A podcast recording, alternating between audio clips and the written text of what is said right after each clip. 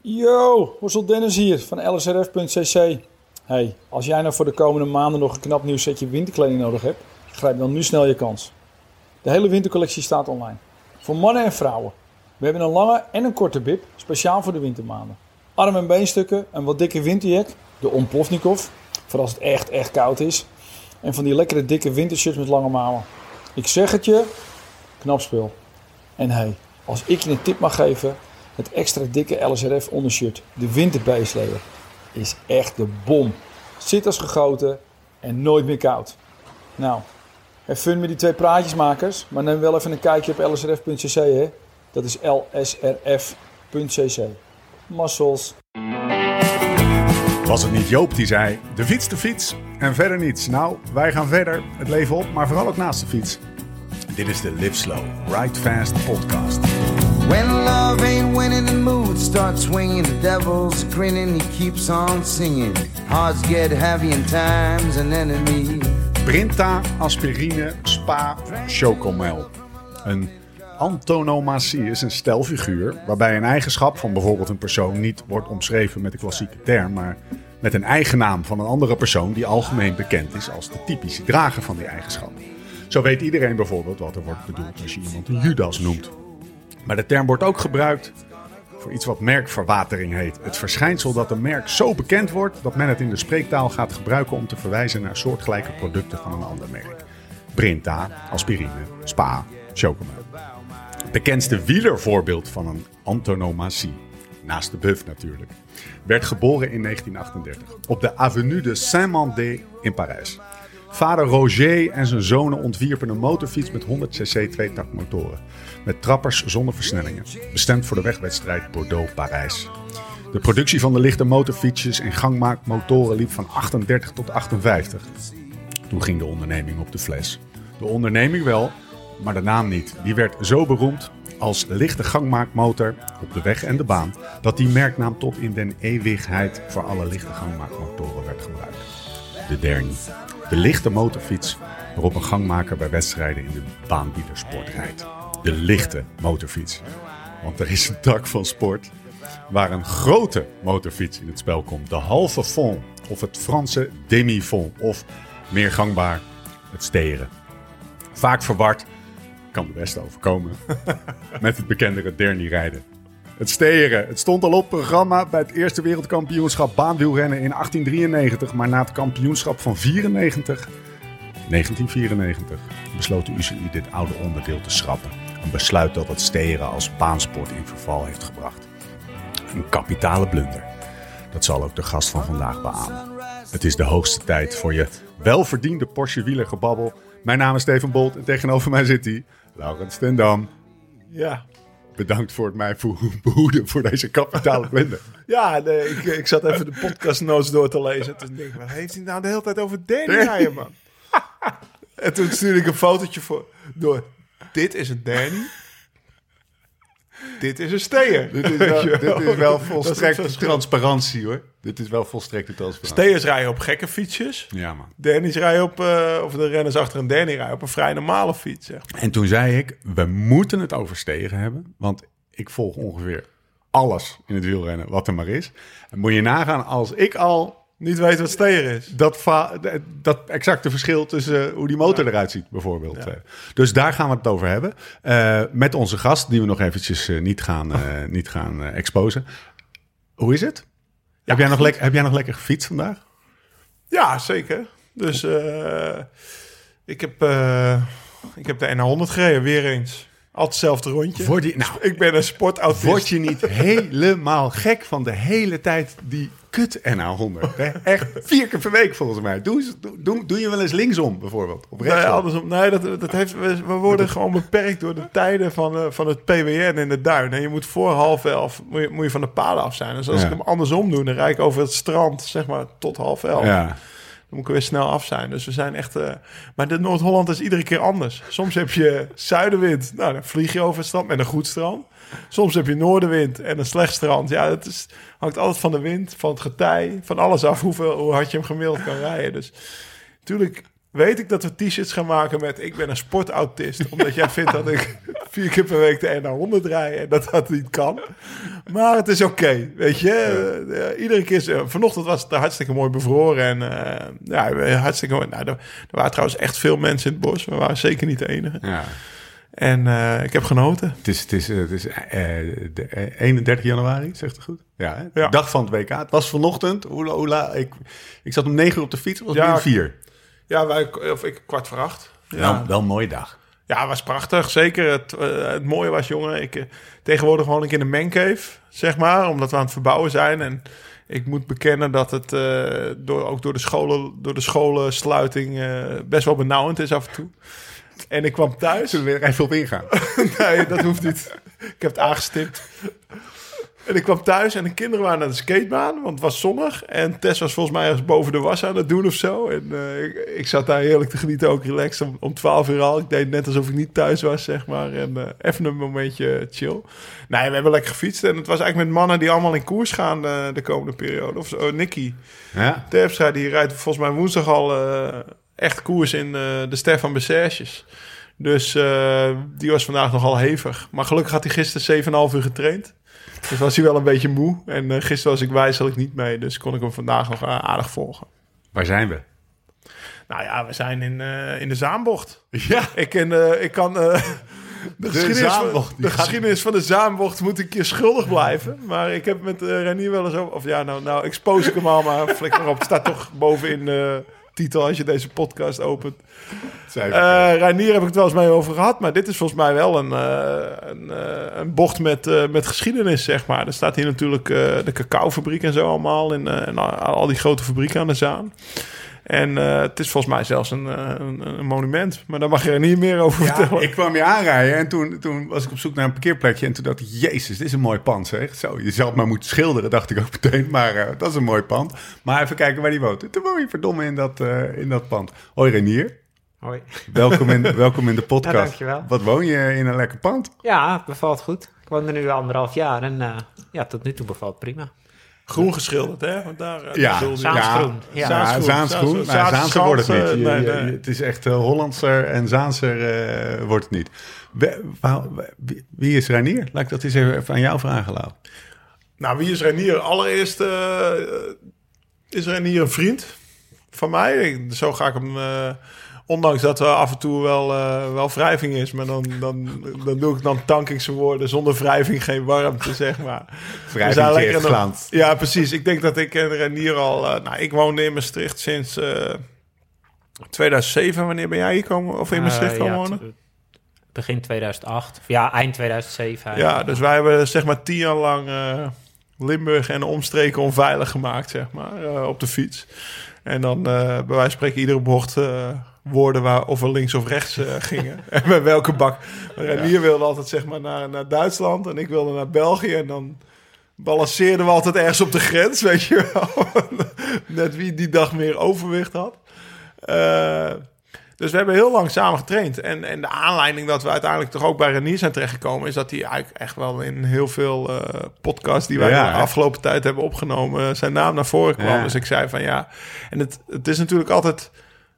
omdat om echt mijn vrienden... Antoine, zeg maar, die ken ik Ja. redelijk uit peloton... maar die zou ik nog geen vriend noemen, kan Nee. komen. Maar Ja. echt naar mijn vrienden allemaal te gaan... de vriendjes van Lau in de podcast, zeg Ja. maar... Dat, eh, dat heeft toch altijd wel... Daar zijn we altijd wat terughoudend mee Ja, geweest. precies. Maar eh, ja, nu, eh, nu werd het tijd om, eh, om Renier. Waarom komt hij altijd naar voren als je met Antoine praat? Met bijvoorbeeld Etienne van Empel, met, met Johnny Hogeland. Wat is dat? Met, met, eh, met Wout Poels bijvoorbeeld. Is je eerste Dus van- podcast. Luister je of nee? Ja, ik, eh, ik luister hem. Tenminste, ik heb die van Johnny gehoord. En Alleen als ik ze eh, doorstuur. Hè? Ja, met Thomas. met Antoine heb ik natuurlijk even geluisterd. Dus Ja. eh, kreeg ik door van, die moet je luisteren. Dus hij was, heel, eh, was leuk om te horen. Eh, eh, Johnny vond het ook wel leuk. Hè? Jouw Johnny, in- in- in- jouw Johnny eh, imitatie was vrij sterk, hoorden wij voor de uitzending. Compliment, complimenten Staat daarvoor. staat erop? heel- Ja, die staat er gewoon op. Die staat er gewoon op. Jongen, die kan je er gewoon de voor op de na plakken. Ehm, eerste keer in een podcast ook? Ja, Nou, eh, de regels eh, zijn als volgt. Die zijn er niet. oké. Dat is goed. Hou ik van. Zullen wij, wat drinken wij, jongens? Op, dit, eh, op deze dag van de WK Cross. Nou ja, ik moet eerlijk zeggen, het flesje is al leeg. We hadden een Marolo uit, eh, volgens mij... Ik heb, nog, ik heb nog ooit een keer van, eh van Spike een kopgroepdoosje thuis gestuurd Ja. gekregen. Dus die werd geplunderd, zeg maar. En we hebben net pizza's van Jamal. Ja, Jammer. Echt uit Italië. Ja, inclusief nee. knoflooksaus. Ja, nee, we, waren een beetje, we zitten een beetje in de haast vanwege de avondklok, zeg maar. Dus het was direct naar de cross hierheen rijden. Pizza's en, eh, en bier en, en wijn en, eh ja. En Dus- spa rood. Het als een soort zwaard van Damocles hangt die, Ja, hangt die avondklok. Maar even gewoon eh, in Maar kader van volledige transparantie. Het is vijf over zeven. Als deze podcast twee uur gaat duren, dan, dan kunt u ons allemaal ophangen aan de ja, de hoogste boom. avondklok. Ja, nee, maar Renier heeft een printer, hoorde ik. Nou, en een bank. En een bank, dus... eh Komt goed. Nou, die bank die is groot genoeg. Ehm, we hebben dus geen wijnvoordeel eh, eh, wijn. Bij mij was die op trouwens. Wel kopgroepie. maar ik heb nog een tweede fles. Heb ik wel. Oh. Oké, oké. Dus die zit daar in de tas. En als dat nodig is, dan eh, pakken we. We hebben een kwaremondje staan. We hebben de pizza van Jamal. We hebben de knoflooksaus van Jamal. We zijn good to go. Zullen we onze, onze... Het is wel lekker om een keer te proberen... wat hoger tempo in de podcast Ja, te houden. Zullen we dat gewoon een keer proberen? Zullen we onze gast gaan introduceren? Reinier Honig. Heemskerk. Niet Heemskerk, maar Heemskerk. 28 oktober 83. Honig kan zowel op de weg als op de baan uit de voeten. Lieve mensen, 2000 en 2001 Nederlands kampioen op de weg bij de juniores. Tussen 2005 en 2008 vier keer achter elkaar Nederlands kampioen steren. Reed voor Vakant Soleil, maar eh, ook met her en der een tussenpauze voor Aqua e Sapone, Landbouwkrediet, Roompot. Dat zijn wel serieus klinkende namen. Kon dankzij een crowdfund-actie, daar kunnen we misschien nog zo meteen wat over hebben. In 2017 deelnemen aan het EK op de baan in Berlijn. Het onderdeel steren won je toen zilver. Jij won de Grand Prix Claude Criquelion, las ik. Gisteren tot mijn grote vreugde. Eh, heel veel renners zullen dat herkennen als een beetje de, de, eh, de marmot van de Ardennen, zeg maar. Het is wel een serieus eh, mooie, mooie wedstrijd. Zo zit hij aan tafel met een marmot en een Criquelion winnaar. Is toch gewoon, ja. Toch gewoon, Kun je ja. beter hebben. In, in het land van een leventje. Je won ook een koers in Costa Rica. Je was derde eh, op het NK van 2011 in Oud-Marsum. Achter Pim Lichthart en Bram Hermanus Tankink. Eh, maar gaat natuurlijk de geschiedenisboeken in als de 192 keer kampioen steren in elk land. Op elke discipline, alles het maar te steren. Eh, welkom in de podcast. Dankjewel. Hoe eh, ehm, het NK ehm, achter Lichthart eindigen? Ja, Even, laten we meteen even met een serieuze vraag ingaan. Was dat een kantelpunt in jouw carrière?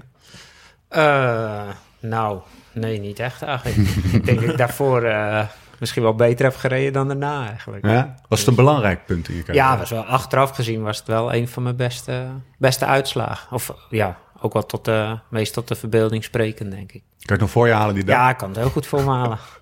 Zeker. Beschrijf het eens even. Ja, we zaten met z'n zes, eh, met z'n zes in de kopgroep. Twee vakantselei, eh Rob Ruig en eh, Pim. Pim Rob. Ruig. Ja, Ja. mooi. En Bouke en eh, Bram, Bouke Mollema, Bram Tanking van Rabo en Floris Goezinnen. En ja, het was een heel tactische wedstrijd. Het was die wedstrijd dat Van Leijen op kop zat met Wening... en dat Daan Luiks uit de auto hing van... eh, "Hey, jij mag niet winnen. Dat was natuurlijk niet echt reclame voor de wielersport, zeg maar. En toen Ja. uiteindelijk in de finale reden met z'n zes... niet meer eh, rijden toen of zo? Nee, eh, Van Leijen mocht niet rijden met Wening. En eh, ja, dat was echt Ja. een achteraf. want Ik heb het nooit natuurlijk meegekregen tijdens die wedstrijd. Maar daardoor werd, werden ze eigenlijk teruggepakt. En toen zijn wij met z'n zessen weggereden. Ja, en ik had al vrij snel door dat uh, ja, Rob Ruig reed heel hard. En dat het gewoon een sprint ging worden. Dus ik heb gewoon meegereden en gehoopt. Uh, En ja, Lichthart was sprint, eh, eerstejaars. ja, Lichthart had toen echt... eh, ja, die kwam binnen bij de profs. Echt met een geweldig seizoen. Ja, die won. Mergeland, toen nog, eh, nu Volta Limburg. Werd Nederlands kampioen. Reed heel goed in, eh, in Baskeland en zo. Dus, eh, Ja, maar dat was wel echt een uh, mooi NK, vond ik. Ja, absoluut. Maar Lichthart was ook wel bang voor hem, hè? Uh, ik bedoel, jij kan ook aankomen. Ja, en normaal zo'n sprintje bergop... Uh, ligt jou? Ik, ja, dat ligt mij wel. Maar ja, hij was gewoon echt... Uh, Pim won wel gewoon uh, redelijk makkelijk die sprint voor, uh, voor Tankink. Dus die was wel echt verreweg de sterkste in de sprint. Dat is een van de... Hoeveel ja, we zullen een fotootje aan de notes toevoegen, maar daar hier uh, in rijen van vijf. We zitten hier eh, in het appartement van, eh van Reinier. En eh, alles is niet alleen eh, strak en opgeruimd. Maar ook de, de, de medailles aan de muur zijn strak en opgeruimd. Je mist er nog drie trouwens. Dus je moet nog even niet stoppen. nee, uh, Ik had gehoopt dat er van de winter nog wat kampioenschappen georganiseerd zouden worden. Maar Ja, maar de de KMU moet nog 32. even hun best doen. 32 hangen er. Snel, volgens mij, dat ja, klopt, toch? Ja. Ja. Nou, dat is 32 NK-medailles. Ik heb er één. ja, ik weet, ik was, eh, ik was aan het kijken toen, in Ja, Veilen. Ja, hij heeft eh, 98. Achter eh Westrik en Koentje Loos, denk ik. Of voor Koen, de tweede was je, of niet? Eh, derde. Derde? Derde, derde, ja. Oké. ja, ja, ja. Stijn Westrik won. Ja. Weet je wat me opviel in, ehm, in, ehm, je, zeg maar in je bio? Het jaar voor Aqua in Sapone. Ja. En nou kwamen we hier binnen en Lau die zegt, eh, die, die, die laat me meteen een, stopt meteen een boek in mijn handen. Hoe heet het boek, Lau? Naar het land van water en zeep. Ik, van Water en Zeep, Aqua in Sapone. Hoe, ehm, daar wil ik even het, eh, het eh, naadje van de kous van weten. Want dat is, dat, er is iets met Italiaanse kleine, tussen, tussen aanhalingstekens, kleine ploegen. Waar die, daar zit een soort romantiek omheen. Ja, ja, ik breek, ja, ja, ik Ja. even in, want dit, dit boek is dus gemaakt door Gijs Sandbergen... die Ja. ooit ook eh, met Marco Penotti een briefwisseling heeft gehad. Mijn ploegleider, mijn laatste ploegleider eigenlijk. En ja, dit beschrijft ook echt dat hele jaar. Ik heb het toen gelezen, maar ik ga hem nu weer meenemen... want Reinier die had een, stapeltje liggen, zag ik. Dus eh, die is gewoon weer geconfiskeerd. Wanneer was het dat je daar reed? Uit 2010. Hoe kom je daar terecht, man? Eh, ja, ik reed eigenlijk in het najaar... eh, mijn eerste jaar bij de beroepszenders, bij vakantselij... reed ik in het Ja. najaar heel goed eh, in Italië. Werd ik vijfde in Piemonte en in Lombardije zat ik in de kopgroep. En ik kreeg steeds maar geen, eh, geen contract. Dat is eigenlijk de laatste week van het jaar. Ja, Ja, ja, echt moet je meer 17 even- oktober, eh, Ja. echt Ik reed daar ook en ik, ja, nou ja, ik, eh, ik trainde toen eh, dagelijks met Renier en ik weet ook nog van, nou ja, dat, dan zit je toch wel in een slechte, eh, Ja. vieze papieren, zeggen ze. Hè, als jij half oktober nog geen contract hebt, dan, eh, of, of, of ja, aan het, Ja, lijntje, nee, aan het lijntje wordt Ja, gehouden, klopt. zeg maar, dan, dan baal je. Nou ja, Ja. dat, eh, dat deed Renier, maar die, die werd gewoon, ja, nou, die reed daar de steen uit de straat die week. Ja, klopt. Ja, ik reed bij vakantie. Ik had eigenlijk best wel een goed seizoen. Want ik reed gewoon ja, best wel goed voor de ploeg. En top 10 in Engeland en 16 in Gippingen. Dus ik had zoiets van, ja, ik hoor hier eigenlijk wel thuis. Maar het bleef maar wachten op een nieuw contract. En toen ja, was eigenlijk de laatste twee koersen van het seizoen. dacht ja, het zal toch niet nu de laatste van mijn carrière zijn. Dan heb je eindelijk alles waar je, waar je altijd voor, ge- Ja. voor getraind en alles voor gedaan. En ben je prof geworden. En dan eh, is het na een jaar voorbij. Het reek dus heel goed in Italië. Toen kon ik uiteindelijk ook blijven bij vakantielijn. Ja, toen kwamen zij van, eh, ja, wil je bij ons komen? Ja, toen dacht ik van, ja, ik ga liever naar een ploeg eh, die me graag wil hebben... dan een ploeg van waar je het laatste plekje kan krijgen. Zeg. Was het ook een beetje het avontuur wat je trok? Ja, dat ook. En ook gewoon, ja, natuurlijk gewoon I- Italiaans. Ik weet nog dat ik de jaren daarvoor, als je zag rijden, was, het was echt wel een serieuze ploeg op dat Ja. moment. Gewoon met Carzelli-reder en Paolini-reder. Dus ja, dat, dat heeft wel natuurlijk iets. Dat je denkt van, ja, als het nu voorbij komt, dan moet ik dat misschien wel gewoon, eh, gewoon doen. Weet je nog je... eh, ik ben vooral benieuwd naar al die kleine momentjes. Je contractonderhandelingen bijvoorbeeld. Hoe ja, gaat dat eh, ik zat bij SEG, bij, hoe heet het, bij de broertjes Berghout Ja. natuurlijk. En ja, ik weet, Nico Matan eh, werkte daar toen ook. En die had goed contact eh, met de familie Masciarelli. Het is echt een familie, eh, familieploeg, zeg maar. Die drie broers reden er en die, die vader was de manager. En die heeft eigenlijk al die eh, al het contract dingen gedaan. En dat ik ook nog weet dat ik een telefoontje kreeg van meteen... Ja, het is rond. Ja, maar hoe rond is het dan, weet je? Want ik ging wel tegen, tegen Daan Luikse, tegen Vakantselij zeggen van... Het gaat Ja, niet door. stu- Stuur even de ondertekende Nou PDF. Ja, zo precies, weet je wel. Ik dacht van, eh, ja, Italië, je kent al die verhalen wel van, eh, het zal allemaal wel. Maar goed, uiteindelijk is dat allemaal wel goed gekomen. Dus echt onderhandelingen zijn er niet geweest. Ja. Het was van, eh, ja, wil je komen? En ja, ik zag het wel zitten. Ik denk, ga ervoor. En dan heb je je eerste werkdag. Zoals het altijd gaat bij nieuwe banen. Je eerste werkdag. Weet je dat nog? Ja, een trainingskamp of zo? Nou ja, ja was nee, nee, we zijn eerst erheen geweest om het, om het contract te tekenen en kennis te maken en zo. Ook zonder fiets. En er is wel Nico Matan met me mee geweest. Dus dat was wel, Nee. eh, ja, dat is dan een hele geruststelling, zeg maar. Dus dan, eh, maar dat was wel gewoon echt heel familiaal vooral. Dat je bij de manager thuis en dan ja, gingen we daar eten. En dan kwam in één keer een neef binnen. Echt zoals het je voorstelt in een film. Maar zo was het ook echt, weet je. We zaten in één keer met twaalf man aan tafel wijn te drinken en echt lekker te eten. En dat Oma had gekookt. Ja, precies. Echt dat. Weet je. Ja. Costata voor een toetje. Mhm. Ja, klopt. En, hebben- en ehm, eh, met wie reed je toen? Want je zei Paulini reed je toen. Ja. Zijn dat allemaal renners waar je, waar je toen ook echt contact mee had? Of was nou het- ja, met Paulini heb ik het... eh, ja, die reed natuurlijk het Vlaamse voorjaar. We reden Ja. het hele Vlaamse, Vlaamse voorjaar. En daar werd ik ook opgesteld. Want ze zullen wel gedacht hebben... Ja, dat is een Nederlander. Nederlander. Die zal het wel, eh, wel goed kunnen. Ik eigenlijk die, die, eh, hoe heet het, die klimkoersen... of Ja. die lastige koersen wat leuker. En met Carzelli heb ik niet veel gekoerst. Denk Luik en Tour de Wallonie en zo. Maar het was vooral... eh, ja, Paulini was wel echt een figuur, zeg maar. Ook wel echt een leider, hoor. Ja? Ja, Hoe, waar, bleek dat uit? Ja, gewoon in de koers. En hij reed ook echt goed dat jaar. Met, ik denk, eh vierde in het volk gelijk. En overal eh, reed hij vooraan mee. En ja, Carzelli won natuurlijk eh, Tirreno. Daar was ik zelf dan niet bij. Maar het was Ja. wel gewoon... Merkte je toen aan Polini al, want die is uiteindelijk is hij gepakt op kook. Omdat hij, zeg maar, eh, was- zijn, zijn, Mhm. excuus was dat hij slecht sliep vanwege eh, de dood van zijn broer of zo. Dat weet ik niet. Maar Ja, hij pakte heel veel slaappillen, Ja. zeg maar. En dan had hij eh, heel veel espresso's nodig, s ochtends Ja. om wakker te worden. Want ik heb verhalen gehoord van Dimitri Kotjunchuk. Die lag bij hem op de kamer, zeg maar, in het jaar dat hij gepakt werd. Dat hij ook zei van... Die ging voor de ronde van Argentinië altijd 60 kilometer bijtrainen. Iedere dag voor een rit. Maar dan stond hij op en dan had hij meteen zijn eigen espresso-machientje waar hij Ja, de drie in dat nou, ik heb, kook heb ik nooit gezien, maar in die tijd waren slaappillen wel gewoon. En vooral die Italianen hadden heel veel van die, eh, die druppeltjes, de bewuste druppeltjes. Waar, Ah, Oké, eh, waar Antoine het over waar had. Antoine het voor, die, ja, die waren daar gewoon wel gemeengoed, zeg maar. Ja. Dus dat is... eh, En eh, eh, maar bijtrainen, veel trainen, dat soort ja, wel veel. Ze waren echt wel gewoon de dag voor de koers ook nog twee, drie uur achter de auto. En dan dacht ik van ja, ik heb ooit van iemand geleerd die zei... als je na een uur en een kwartier nog geen goede benen hebt... dan kan je beter thuis blijven.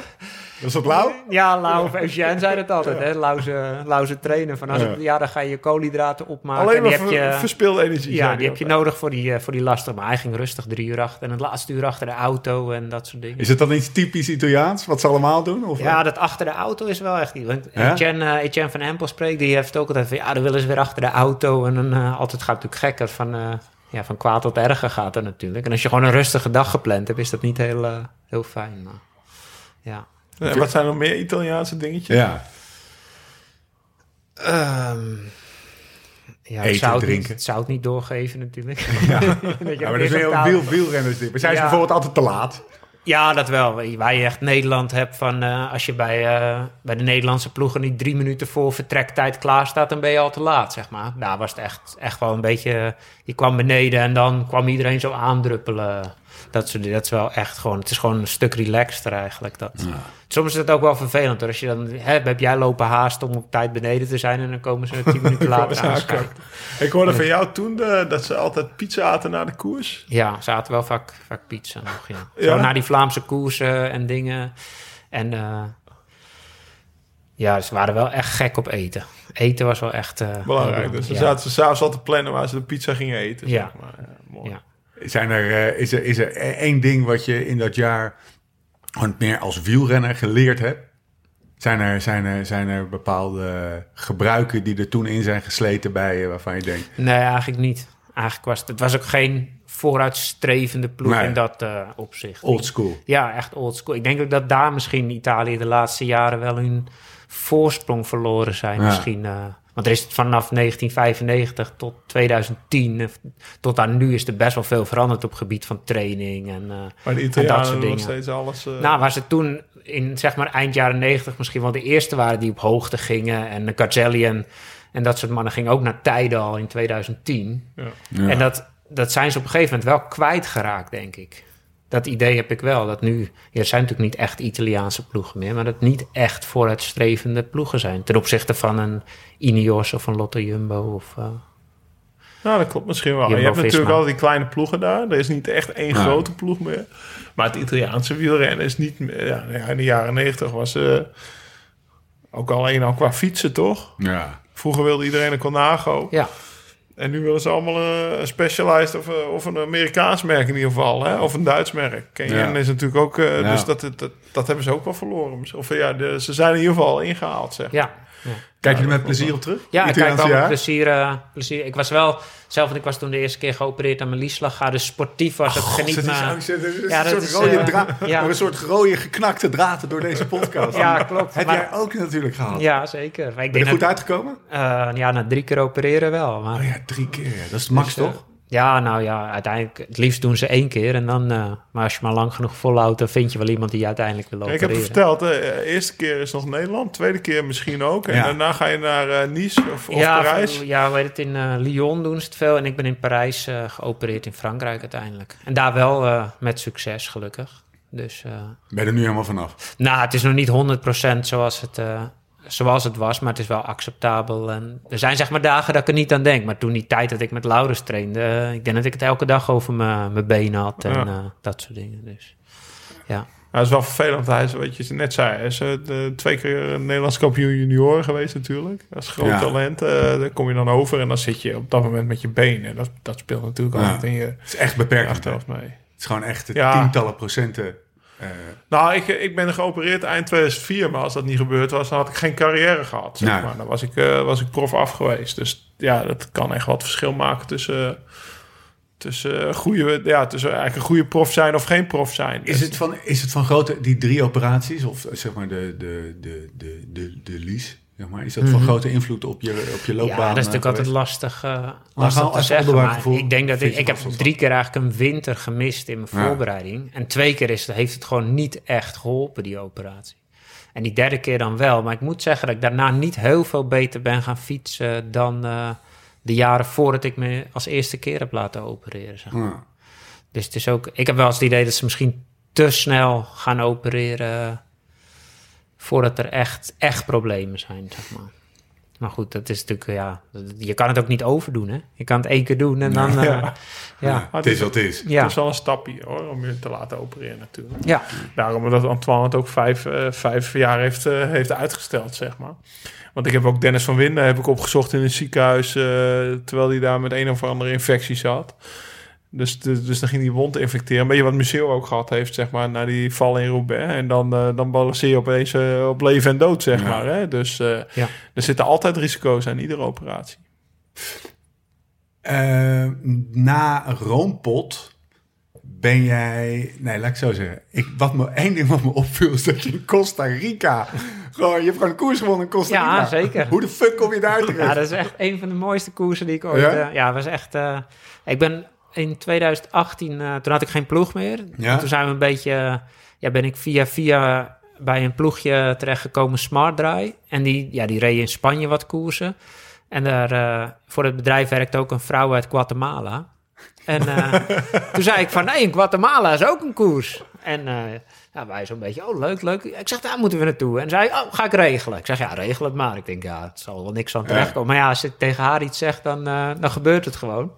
Dus eh, nou, eind van het jaar, oktober, gingen wij naar, eh, naar Guatemala. Tien dagen, En tien wie is dagen bij? koersen. Ja, maar toen was met die, ja, gewoon een groepje eigenlijk samengestelde. Stefan Bakker, Ivan Schrijver. Ja, gewoon eigenlijk wie mee wilde, kom mee. Maar wie betaalt dat? Ja, je moest je ticket zelf betalen. Ja? En dan eh, de organisatie betaalt het verblijf en eh, die regelt daar een auto en, eh, en dat soort dingen. En zo zijn we met dat groepje ook naar, eh, naar Costa Rica gegaan. Heet een dat jaar Global later. Cycling Team? Nou ja, toen soms, eh, die doen dat ook, zeg maar. Maar dit Ja? was dan niet met Global, eh, maar zelf. eh, Eigenlijk een groepje... Avonturiers? ja. ja. ja.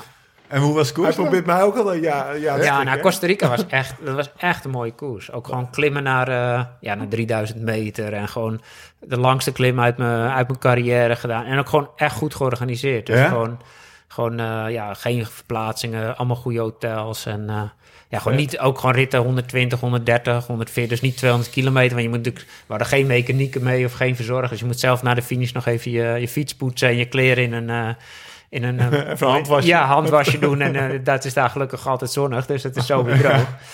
Maar ja, die koers is gewoon echt, echt leuk. En ja, het niveau is natuurlijk niet, eh, niet zoals in Europa. Maar het wordt best wel hard. Door die, de, de goede zijn overal goed. Dat is Ja. altijd. Dat is in 2.2 of...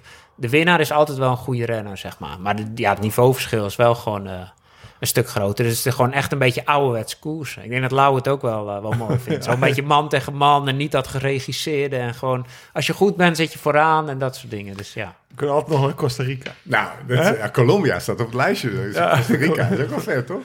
Nou, wie weet. Als we tijd hebben, gaan we in oktober gewoon nog een Ja, weekje en mee. ik dacht altijd van ja, hoe heet het, fietsen, dat is echt iets Europees. Maar in die, in die Zuid-Amerikaanse landen leeft dat fietsen wel echt. Het is Ja. gewoon... eh, Costa Rica is toch van eh, Amador? ja, Ja. Ja, En eh Car eh, Carapaz? Carapaz is Nee, Venezuela. Ja. Toch? Ja. Ecuador. Nee, Ecuador, Ecuador. ja. Oh ja, Ecuador. Ja, ja. Toch? Ja, ik begin nou te twijfelen. Maar Volgens eh, mij Venezuela. Oeh, nou, ja. Gaan we opzoeken. Gaan Ja, we opzoeken. zoeken we. Zetten we in de Sinkeldam corner. Maar wel, wel Carapaz. maar dat is wel... Ja, precies. Potjakar.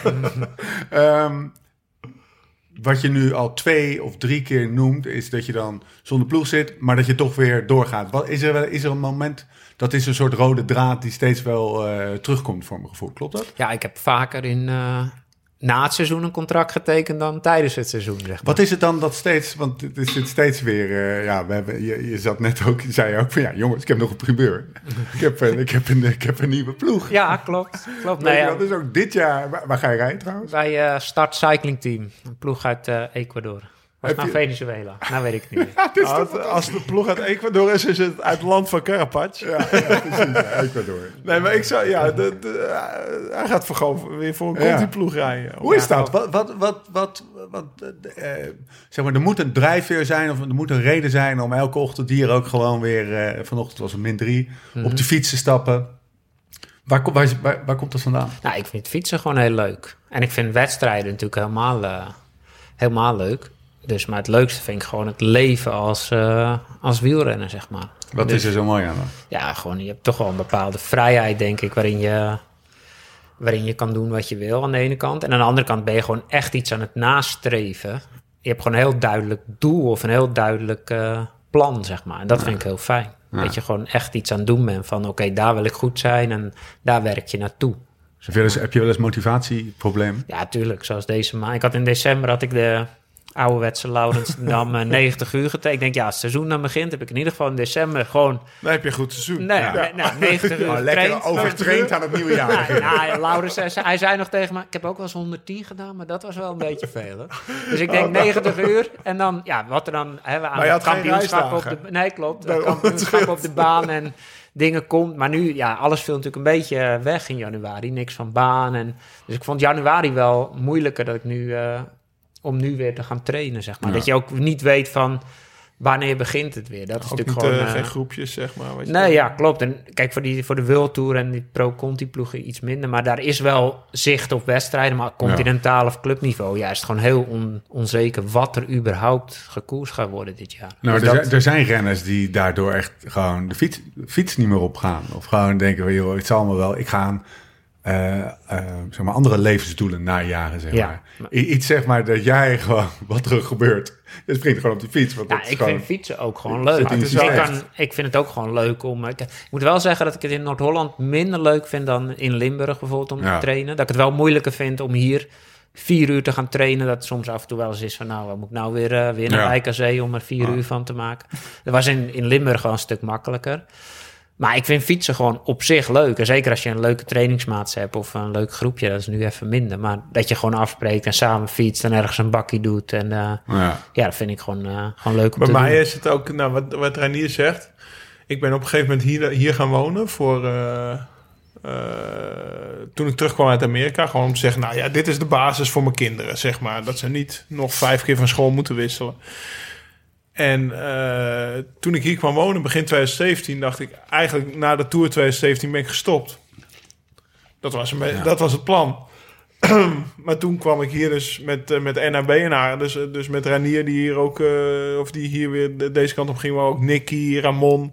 En als je toch een lekker groepje om je heen hebt, dat, dat motiveert toch op een Ja, of ik andere denk dat manier. ik eh, zonder. NAB al... eh, Was je ook al gestopt? nou ja, misschien wel. Nou, of jij was misschien ook niet verhuisd. Misschien, weet ik niet eigenlijk. Waarom ben je verhuisd? Ja, dat kwam zo eigenlijk eh, op mijn pad. Ja, ik huurde natuurlijk jouw huis op het Oh laatst. ja, eh. ik heb hem eruit jij, gegooid. Jij verkocht je huis, dus ik moest terug. De, een van de eerste zinnen, de, de kwam je huis er straks binnen en toen zei ik, jeetje, netjes, eh, netjes man. En toen eh, zei je, ja, ja, ik heb ook Lauza huis wel een keer gehuurd. Dat was de enige keer dat Lauza huis verhuurde en hem schoner terugkreeg dan dat hij gaf. Omdat een huisbaas een huis gewoon Ja, terugkrijgt. Maar die vraag blijft staan. Waar, waar- waarom, waarom woon je hier? Ja, nou ja, ik had eigenlijk niet echt een, eh, echt een plan. Ik heb nog een appartement in Maastricht. En toen ging Lau ging dat jaar naar Amerika. Toen zei hij van, eh, ik ga mijn huis verhuren en dit. En ik zei, mag ik je huis niet huren dan? Nou ja, wij, ja, is goed. Dus ik zijn huis gehuurd. En toen wilde hij het op een gegeven moment toch wel... Ja, ik wil het toch wel verkopen. Ik zeg, nou, zet het maar te koop. Dan ga ik er wel uit als, eh, als het verkocht is. Ja. En ja, toen zat ik dus even tijdelijk bij mijn vader. En toen zat ik een beetje te kijken, ga ik nog in Limburg wonen? Of ja, zie ik mezelf er oud worden? En toen kwam eigenlijk dit appartement voorbij. Blijft toch wel een Noord-Hollander. Dus dat je dan, ja, je hebt ook niet zoveel keuze Nee. qua appartement. Ik wilde eigenlijk niet meer huren, want dat is natuurlijk gewoon zonde van je geld eigenlijk. Zeker met die huur van Laurens. Ja, oude huisjesmelk. dus eh, ja, toen zag ik dit voorbij komen. dacht ik, ja, hier zie ik mezelf al wonen. En toen, Ja. ja. ja, toen is dit het geworden. Maar er was niet echt een vooropgezet Maar het was niet plan voor het of fietsen zo. een plan of zo. nee, zit- nee. Ja, soms gaan dingen gewoon zoals Ja. ze gaan. Ja. Wat, wat, wa- eh, hij heeft wel een rol in NAB, hè? Lau. Nou, ja, Wijs naar het, uh, eh, Renier. Nou, eh, hij is, hij is eh, sowieso is, eh, is een van de eigenschappen van Renier wel dat hij echt heel eerlijk is. Zeg maar. En dat, ja toch? Ja, als het maar uitkomt. Ja. Als het maar uitkomt. Ook weer eerlijk, snap je? Dus dit is eigenlijk precies wat ik Ja, bedoel. ja, precies. En eh, dat is ook wel een vraag die... eh, wat ik had, ik had bijvoorbeeld met Antoine over... eh, want een rol in NRB, dat kan je ook breder trekken. Hè? Want Antoine eh, heeft goede woorden over hem bij Roompot. En dat Antoine zei... Ja, ik, ik zeg, wat zou jij eigenlijk van Renier willen weten? Nou, wanneer hij eens ploegleider wordt bij een grote ploeg, zeg maar. Ja. Want Dat is echt... Wat ik zeg, als, stel, als ik een ploeg zou hebben... Eh, we hebben het met NA NAB hebben we het heel veel over de koers. En dan heb je het over een sprint in een klassieker, maar over, eh, over een sprint in een criterium. Of hoe, hoe je wedstrijden winnen, weet hij Ja. wel. Ja. Zeg maar. Wij, wij keken code geel. Ik ga je sorry dat je ontbreekt, Ja. maar dat is natuurlijk wel het. Dat, zo stond het ook in de, in de notes die we samen bijhouden. De conclusie was, ah, eigenlijk missen ze bij Jumbo-Visma eigenlijk een tactische, uitgenaste Nou, dat is wat eh, rat die, eh, die in de positieve zin van het woord bedoel ik dat, eh Renier, die gewoon net even de goede beslissingen maakt op de goede momenten, tactisch, Om de koers te winnen. om de koers te winnen. Daarom. En, daar, en daarin dus voor volle bak ook voor zijn eigen roedel door het vuur gaat. Ja. En dan de rest van het peloton... nou, die hoort niet bij zijn roedel. Dus, dus daar heeft hij wat minder mee, zeg maar. ja, ja, Ja, toch? ja, zo. eh, Eh, zo, eh, zo denkt Renier eh 100%. Herken je dat, wat hij zegt? Ja, ik, ik denk dat ik wel me daar in herken, zeg maar. Van ik heb, zeg maar, mijn vrienden of mijn kleine groepen mensen om je heen, die heb ik heel hoog zitten en daar doe ik alles voor. En de rest, ja, boeit me eigenlijk niet zo heel veel. En, het, en het tactische element, waar, Ja, waar dat, vind, het ik- over dat vind ik ook wel leuk. Dat is natuurlijk altijd, bijvoorbeeld dat voorbeeld van Lotte Jumbo, die hebben natuurlijk eigenlijk niet zoveel verkeerd gedaan in die hele Tour. Ik bedoel, achteraf is het natuurlijk heel makkelijk. eh, niemand had verwacht dat Pogacar, Pogacar Ja. zo'n eh, tijdrit neer zou leggen. Nee. Dat, dat, ja. Ik zat toevallig die dag op de fiets. Ik had de dag erop een steeënwedstrijd. En ik dacht, ja, ik kan wel die tijdrit gaan kijken. Ik ga lekker fietsen. Ja. En ik, ja, mijn telefoon, ik kijk, eh, een keer staat te pissen, ik kijk op mijn telefoon, ik heb 47 berichten. ja, er is toch iets aan de hand, geloof ik. Dus ja, Gaan ze hem ook berichten sturen? ja, tuurlijk. Maar, Wat zou jij doen? Wat zou nee, jij maar ja, de- uiteindelijk, ik vind het ook wel heel makkelijk om dan eh, daarop af te geven, zeg maar. Ja. Moet ik eerlijk zeggen. Had jij anders gekoerst? Ja, met de kennis van nu wel, maar ja, Ja. Dat, op dat moment niet. Ik, ik was ervan overtuigd dat eh Roglic die Tour ging winnen. En dat hij die misschien die tijdrit zelf ook nog wel zou winnen. Of Dumoulin, of Wout van Aert, ja. Ja. Ik denk dat niemand dat, eh, of weinig mensen dat voorspeld hadden. En als UAE het zo voorspeld had, dat ze hè, zo hebben gekoers van nou laat Lotto Jumbo of eh, Jumbo-Visma maar koersen. En wij pakken die tijdrit, daar geloof ik ook niks van. Dus, Nee, natuurlijk niet. Ze zijn, eh, dat, daar heb je gelijk in. Maar met de kennis van nu zou je het anders doen. Dat is, dat Ja, is zeker ja. zo. En op dat moment had je misschien... eh, ik denk wel dat je op dat moment eh Mazen en, en die ziet op een gegeven moment wel dat Pogacar een hele gevaarlijke klant is. Ja, en dan kan je misschien wel proberen zijn ploeg... Maar eh, wat ik wel, ik moet wel wat, wat van Dumoulin bijvoorbeeld naar voren kwam, dat ze zo dat initiatief namen, dat vind ik soms wel. ja. Je moet niet harder rijden dan nodig. Je moet zo hard rijden als dat moet, als dat nodig is. Niet om ja, je moet harder- daar zo langzaam rijden ja, als zo mogelijk. langzaam mogelijk, Ja, precies. ja. Ja. Dat is een beetje hetzelfde als met steren. Als je op kop zit, je moet zo langzaam rijden als kan. Ja. Dat steren gaan we het zo over hebben. Maar ik, vind, ik, ben even interesse- ik ben geïnteresseerd hoe jij kijkt, of wat jij ervan vindt, dat zowel Antoine als Lau knikkend tegenover mij zitten en zeggen: Ja, als ik een ploeg zou starten, zou hij meteen ploegleider Nou, dat vind ik leuk om te horen. Ik denk dat dat ooit nog Snap je? wel... eh, Hebben ze gelijk? Nou ja, dat eh, hoop ik. Dat weet je natuurlijk niet. Nee, het maar lijkt me wel heel leuk of je het om- maar Het lijkt me wel heel leuk om te doen. En het, dat is ook wel iets wat ik in de toekomst wel, eh wel ambieer. Ik had ooit, eh, toen Boog geschorst werd bij, Bij Roompot. bij Roompot, toen, hij, eh, toen heeft Zeilaat wel een keer aan me gevraagd... vind je dat niks om, eh, om ploegleider te worden? Want toen dacht ik van ja, ik fiets zelf nog veel te graag. En dat gevoel heb ik nu nog steeds. Van ik fiets gewoon zelf heel graag. En ik vind het gewoon heel leuk om te doen. En stoppen, je kan maar één keer stoppen. Of ja, je kan wel vaker stoppen, maar... Ik bedoel, als je je gestopt kan bent... ook pauze nemen. Nee, maar ik bedoel, als je gestopt bent, dan je gaat niet meer beginnen dan. En hoe, als je in één keer, eh, ik ben nu 37, als je 39 bent en ploegleider wordt, ben je ook nog jong. Nee, kan je nee, ook nog alles, wel. alles nog 20 jaar. eh, Ik hoop wel 15 dat het op je pak, pad komt, want dat is, eh, dat is zeg maar de keerzijde van het soms de, of van het altijd best wel eerlijk zijn, zeg maar, en eerlijk benoemen wat er mis is. Ja, dat heeft denk ik ook wel tegen Reinier gewerkt af en toe. Ja, je bent gewoon ook een irrit- irrit- irritant... eh, eh, nou ja, voorbeeldje, weet je, eh, het is voor, we gaan het over de, over de CO, eh, bijvoorbeeld, Ja. vakbond. Ja, Weet je, er komt ergens in halverwege het, tussen 10 en 20 ergens komt er een CO, denk ik, tussen de Nederlandse ploegen. En die krijgen dan via een e-mail, via een Nederlandse vakbond opgestuurd. En wij als Limburgers hadden allemaal, zeg maar, eh, onze toenmalige belastingman een soort mandaat gegeven. Stem jij mij, hoor. Weet je wel, of zeg jij mij ja of nee. Het- ja, kan je ook wat van vinden, maar Ja, gaat het nee, ja, ja. ja. Hij heeft alle, weet ik veel hoeveel pagina's, 50 pagina's tot op de letter van de. En dan zit, zit hij zelfs bij mij aan tafel. Dan zegt hij: Ja, er staat bijvoorbeeld in. Nou, eh, wat stond er toen in? De ploeg mag precies jouw medische traject bepalen als je geblesseerd bent. Ja, bijvoorbeeld. De ploegleiding. De ploegleiding, ja. Ja. Of de, ja, Ja, ja, de ploegleiding. De, de, Ja. de, manager. wat was jouw Ja. reactie daarop dan? Vond je Ja, dat ik denk van, eh, van weet je wel waar je allemaal mee instemt of allemaal. En nu, op dat moment was ik misschien nog meer van, ja, dan ga je toch niet mee akkoord. En nu als je dan ouder wordt, denk je wel van, ja, uiteindelijk het compromis wat eruit komt, was misschien niet eens zo slecht. Maar op dat moment zegt hij van... eh, wat als de ploeg naar cortisone in je knie wil jagen? Als je knie Ja. stuk is. Omdat je toch een koers moet rijden. En je wil het niet. Dan moet je toch nee kunnen zeggen? Ja, dan ben je op dat moment wel een lastig mannetje Ja. voor drie Nederlandse ploegen. Dat Ja. hij, jij vindt, want, want er is dan een vergadering en dan zit mijn eh, belastingman zit daar. En dan zitten misschien nog vier mensen en Reinier Honig. Die zijn vinger opsteekt van hoe zit dat dan? En hoe zit dat dan? Maar heeft hij hij- zichzelf daarmee wel eens even afgezien dat hij zijn eigen zeg maar, integriteit en zijn, zijn mening niet onder stoel of bank heeft geschoven en dat hij zijn- zijn, zijn hart heeft gevolgd daarin? Heeft hij zich ook, is dat wat je zegt, misschien wel een beetje in de voet geschoten soms? Misschien wel. Ja. Ja. Ja, of op het moment dat zij laat zeggen van... Hey, zou je geen ploegleider worden? Dat je zegt, ja, dag, ik ga, ze- Ja, ik ga zelf lekker fietsen. Ja, ja, ja. Je kan Ja, altijd... Oké, dan niet. Ja.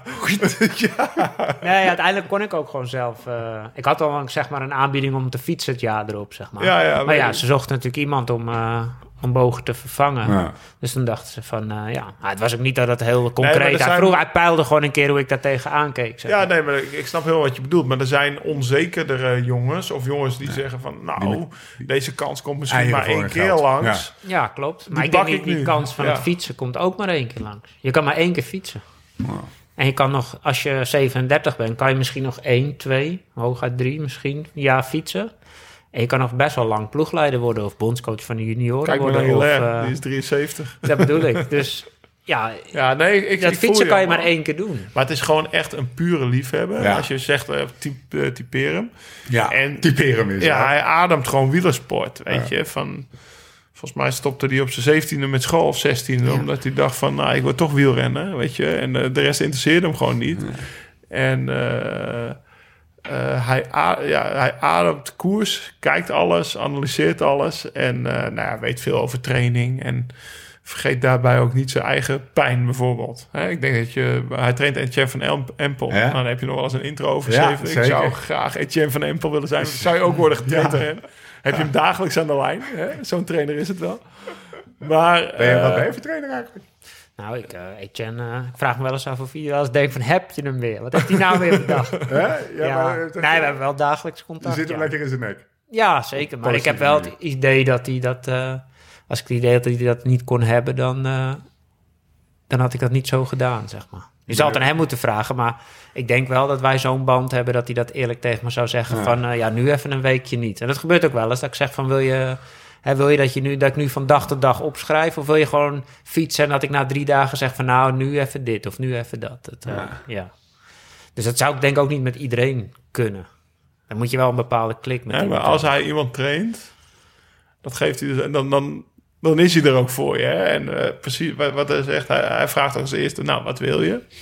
Maar ik denk, ik denk wel dat hij... eh, zeg maar, eh, stel voor Etienne, die rijdt een strandrace deze maand. Een minuut na de finish, dan eh, wil hij de uitslag weten of hoe het gegaan ja, is, zeg klopt. maar. Zo. Etienne is nogal eh, van de Swift-wedstrijd. Oké, dan vraag ik gewoon... eh, ja, ik denk, eh, dan ben ik de eerste die vraagt van... En, hoe was het? Weet je wel? Of, eh, En wat ben, je voor, wat ben je voor trainer dan? Is dat, ben jij zo'n zo'n zo'n datafreak trainer? Of ben je meer een, eh, een gevoel en, eh, en we gaan Ik in denk gesprek dat met toevallig elkaar met trainen? Antoine vanmiddag over. Ik denk dus dat een trainer eigenlijk moet zorgen dat hij stress wegneemt bij een renner. Dus dat hij op een of andere manier vertrouwen geeft of aan de hand van data, maar dat hij dus eigenlijk die renner behulpzaam tot hulp van die Ja. renner is, zeg maar. Ja. En ik denk dat heel veel trainers tegenwoordig eigenlijk meer stress opleveren dan dat ze wegnemen, zeg maar. De, en een stress, hoe leveren ze stress Nou, door te zeggen, je moet dit bereiken. Je moet, Ja. je moet dit, je moet daarop letten. En dan soms op zulke... Wat ik tegen Antoine ooit gezegd heb van... zoek het niet in de details, maar begin gewoon bij de basis. Dat ze dan gaan zeggen van... ja, maar je hebt eh, vandaag een rondje Zeelandbrug gedaan... met 182 watt en het had eigenlijk eh, 200 moeten zijn. En de week erop is het 210 en dan zeggen ze... ja, had nu 190 moeten zijn. Dat, daar gaat het natuurlijk helemaal niet om. Het gaat om die paar momenten die er echt toe doen, zeg maar. Zoals Laurens een IJzerbosweg traint. Dan zei Eugène van, die is belangrijk, die moet je doen. En die andere dag ga jij lekker vijf uur door de Ardennen met die gasten. En dat, dat, dat zeg maar, dat heel veel trainers daar de fout in gaan... door te veel te willen, zeg maar, overcoachen Ja, bijna. dus bijna de, het doel wordt, de, de middelen wordt het doel. Ja, in de van- training is het, is, het, is het middel. Ja. Het is niet het doel. Het doel is dat die renner zo goed mogelijk is in die, in die wedstrijd, zeg maar. En, en hoe vertaal je dat dan als trainer? Is dat, dat Als is dus- ploegleider, dit geldt ook als ploegleider. Ja, dat geldt Ja, maar- maar iedereen jij- met. Etienne bijvoorbeeld? Nou ja, ik weet natuurlijk precies van Etienne is natuurlijk gewoon bijvoorbeeld nu... Ja, die, die rijdt bij een pro-continentale ploeg, een Italiaanse ploeg. Dus Ja. ik heb al een beetje een idee hoe dat gaat. Ja, Nou, er is heel veel onzekerheid over het programma. En dan gaat hij waarschijnlijk wedstrijden moeten rijden die hem niet zo goed liggen. ja. Bijvoorbeeld. eh, en dan probeer ik toch te zeggen van ja, let erop. In die wedstrijden ga je dus de rest van je seizoen bepalen in die huidige tijd met corona. Dus zorg maar, bijvoorbeeld, het is nu echt wel de bedoeling om bedoelt meer van, eh, je moet zorgen dat je meteen goed bent, want dan word je opgesteld in de Dat wedstrijd. denk ik wel. Dat is in zulke ploegen zeker nog Ja, zo. En dat soort dingen, dat kan ik natuurlijk best wel goed. Denk ik dat ik daar best wel kijk op heb van hoe dat ruilt en zeilt binnen zo'n ploeg. En daarom die, proberen de juiste dingen aan te geven van let daar en daarop. Of Ja. dat een trainer, kijk als jij een eh, datatrainer bent en die laptop zegt van... eh, oh je hebt twee dagen gerust zie ik, maar er staat niet in twee dagen in het vliegtuig. En dat je een dag koorts hebt gehad, dan zegt het, eh, het model zegt oh je bent helemaal hersteld. Maar dat soort dingen moet je allemaal meewegen, zeg maar. Ja, het is gewoon, het, het is- ik hoor een, een tacticus spreken, zeg maar. Ja, Ook qua maar training. Ja, ja, ja, maar eh, kijk, vroeger was dat natuurlijk. Vroeger was eh, Piet Hoekstra was mijn eerste ploegleider, maar was eigenlijk ook mijn trainer, zeg maar. Die, Ja. kon, die konden alles meenemen. En dat is. eh, dus die zag inderdaad van, nou ja, ze zijn in het vliegtuig terug. ze zitten nu bij mij in het hotel. Doe maar even rustig aan. En in een knappe ploeg wordt dat ook gecommuniceerd Mm, natuurlijk. Ja, zeker.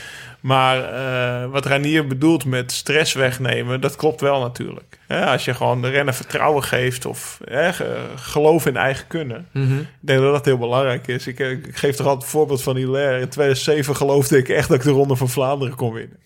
Ja, dat slaat natuurlijk helemaal nergens op. Maar ik ging wel met een mindset in die koers van... Ja, ik ga er echt... Ik geloofde dat alles mogelijk was, bij wijze van Ja. spreken. En, eh, en eh, ik werd uiteindelijk pas op de muur afgereden.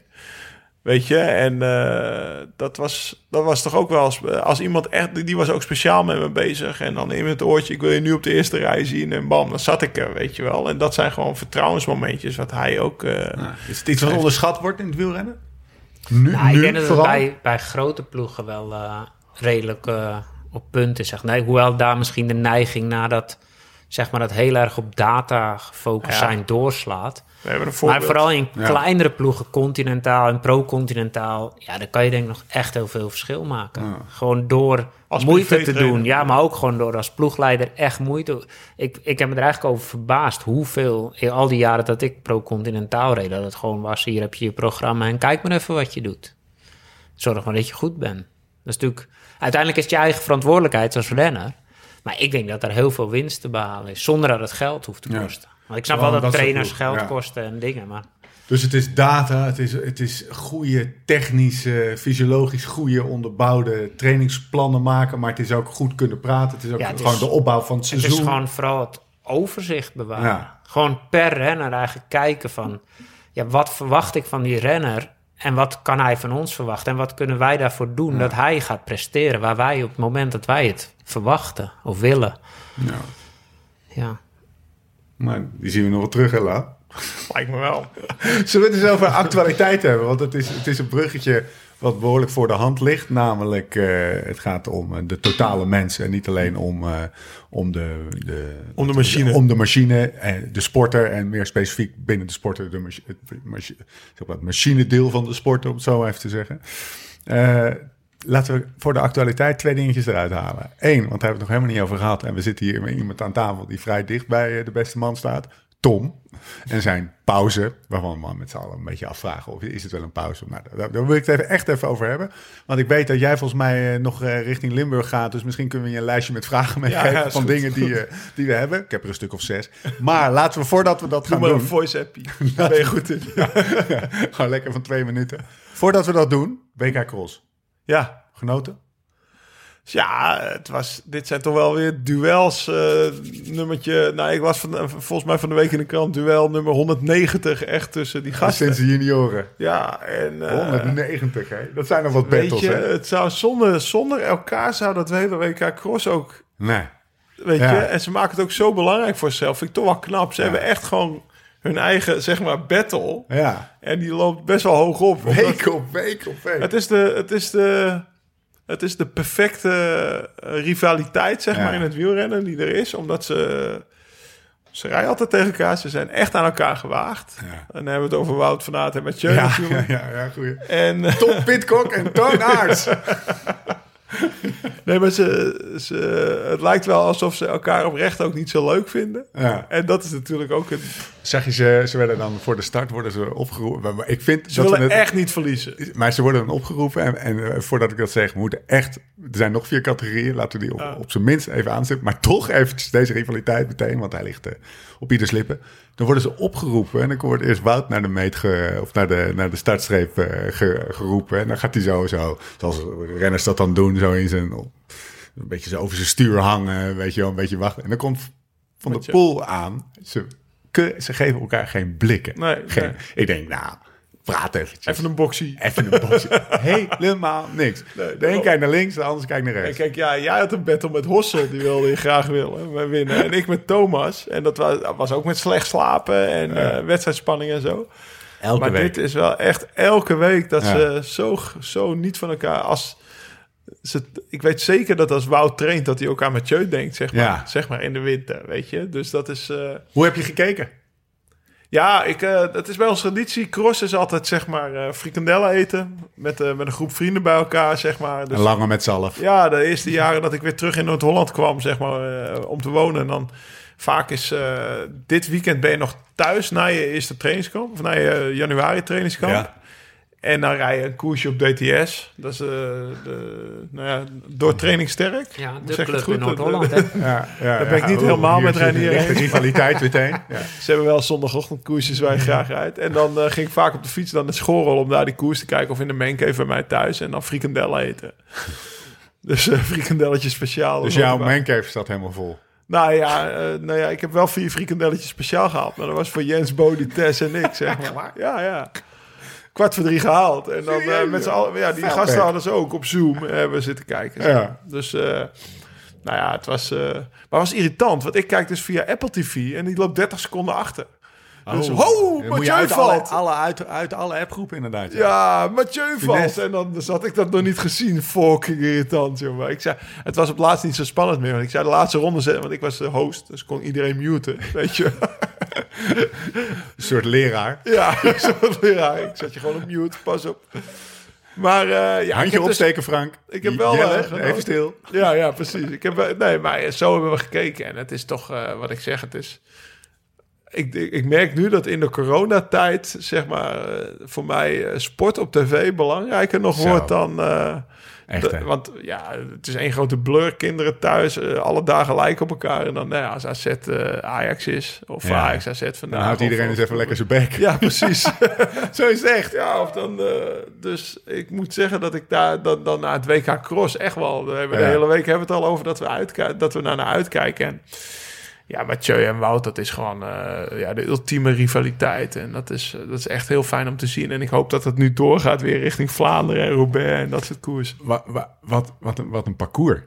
Ja, Vond je daarvan? Ja, die brug, eh, die brug is echt indrukwekkend. Zo, die Als was je het hoog, op hè? tv al ziet van eh, hoe hoog het is, dan is het in het echt natuurlijk nog veel hoger. Eh, zo hard naar beneden vlammen. ja, hè, het strand eh, in. Dat je gewoon ziet van, eh, dat ze bijna met hun, met hun voeten het zand raken. Ja, dan ben je echt ver weg het zand Maar, ingezakt maar ver- natuurlijk. ver- ver- kan je ons een beetje idee, je bent gewoon een ervaren renner, hoe moeilijk, ik heb ook wel eens op het strand geweest, zeg maar, ik ben er niet heel goed in. Hoe, maar dat is dan nog met 60 mm banden, zeg maar, sliks. Ja. Hoe, met 0,8 bar. Hoe, hoe moeilijk is het om met 33 mm bandjes, waarmee je ook nog op het gras moet rijden, door zo'n mul-zandstrookje te gaan? Ja, ik denk dat... eh, ja, ik heb het nooit... eh, ik heb vroeger wel eens gecrossed bij de junioren, maar nooit, eh, nooit met van een of andere schans bijna het strand op, eh, opgereden. Dat je denkt van, ja, die komen gewoon echt met 45, Ja, 50 ja. per uur het zand op. Ja, je moet echt ballen hebben. Dat Ja, zo. Ja, iedere keer zat ik weer met, met open ogen te kijken. En we zeiden in de Zoom gaan ook van... Ja, het moet eigenlijk niet erg zijn, maar het zou wel leuk zijn... als er een keer iemand daar zeg maar op zijn snuffert gaat gewoon te Of dat kijken. gewoon zijn wiel breekt. Zo. Ja, Dat je beneden komt en je... Maar ook zoals ze door die sporen heen sneden. Ja. Want dat is de kunst, hè? eh, Die, smo- die Ja, sporen ik rij ook pakken. wel op het strand. En ik, ben ik ben echt niet goed in het strand op- en afrijden. En dan probeer ik het nog op 60ers. Maar de- Ja. ik was vandaag op mijn gravelfiets op het strand. En dan probeer ik het eigenlijk niet eens. Weet je wel. missie. Ja, stap ik al af, ga ik lopen. Zie je Ivar. eh, dus eh, Maar ik vond het wel mooi, ik vond het wel een mooi eh, element, wat je niet zo heel vaak Ja, bij... Koksheide was het ook, geloof ik, hè, het strand. Was Het dan zijn- weer, het zijn Niels Albert mag geloven, heel, heel ander zand, hè, want het is dan weer verschillende typen zand. Maar ik vond het wel vet dat ze op het strand reden. Het gaf Ja. wel echt een extra... ja, dat Dimensie. strand zeker. Maar ook voor die, die, die zandstrook. Als je ziet, het zijn zo'n atleten. En er zit Ja. zo'n power Ja. in die... Ja, ik, Ja. weet- ik, weet, ik weet de wattages niet. Maar als je ziet wat een power die gasten kunnen leveren... echt, eh, dat is echt ja. fenomenaal, zeg maar. Dus we hebben wat dat betreft wel echt prachtige sport gezien. En, En- we, en we, hebben, we, we hebben de medaillespiegel uitgespeeld. Zo, alles toch? Ja. Lekker toch wel?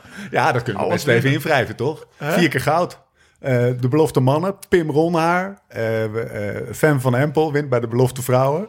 Eh Brand wint bij de vrouwen. Wat, en we hadden het vandaag nog over. Vrouwencrossen zijn Spannend. zo leuk om ja, te ik kijken. heb eh, gisteren heb je veel al- plezier maar dat heb je altijd al gezegd, toch? Zeker. Ja, je bent altijd een grote fan geweest van, eh, van de vrouwen.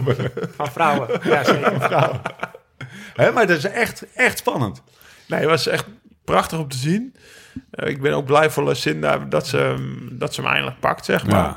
En ook, eh, nou ja, ik denk dat Ranier dat wel kan appreciëren. De manier waarop ze de laatste ronde reed, zeg maar. Ja, dat, dat ze was hem daar zeker, binnen eh, doorzet. Nog Ja, even. dat was gewoon... eh, Ja. gewoon, gewoon, ik wou zeggen mannelijk. Maar ik bedoel, dat was gewoon echt, echt topsport. Eh, Ook gewoon, ja, die wedstrijd was eigenlijk spannender dan Beschrijf, de beschrijf het moment eventjes eh, Ja, die, voor degene dus die, die, het niet gezien eh. Lucinda die in de laatste ronde met eh Annemarie Worst samen nog, nog voorop. Die ook echt een hele goede wedstrijd Ja. reed. Want die eigenlijk terugkwam uit Ja, toe, uitgeslagen positie. Ik dacht van oeh, nu gaat ze winnen. En ze zetten me dus eigenlijk, ze reden voorbij terwijl ze dat niet verwachten. En Lucinda zette hem eigenlijk aan de binnenkant ernaast. Ja. Het is gewoon, ja, gewoon, gewoon ja, wie er valt, die, wie er niet valt, die, die wint. Ja. BMX-actie. Ja, dat was echt, eh, echt mooi. En ook gewoon heel... Ja, gewoon tot de laatste, laatste halve minuut was het spannend. Ja. Dat was natuurlijk wel leuk. Dat was vandaag iets minder. Dat was natuurlijk een mooie wedstrijd. Maar eigenlijk heb ik, eh, vond ik die dameswedstrijd een stuk spannender. Ja, en, en de eh, Pim Ronhaar.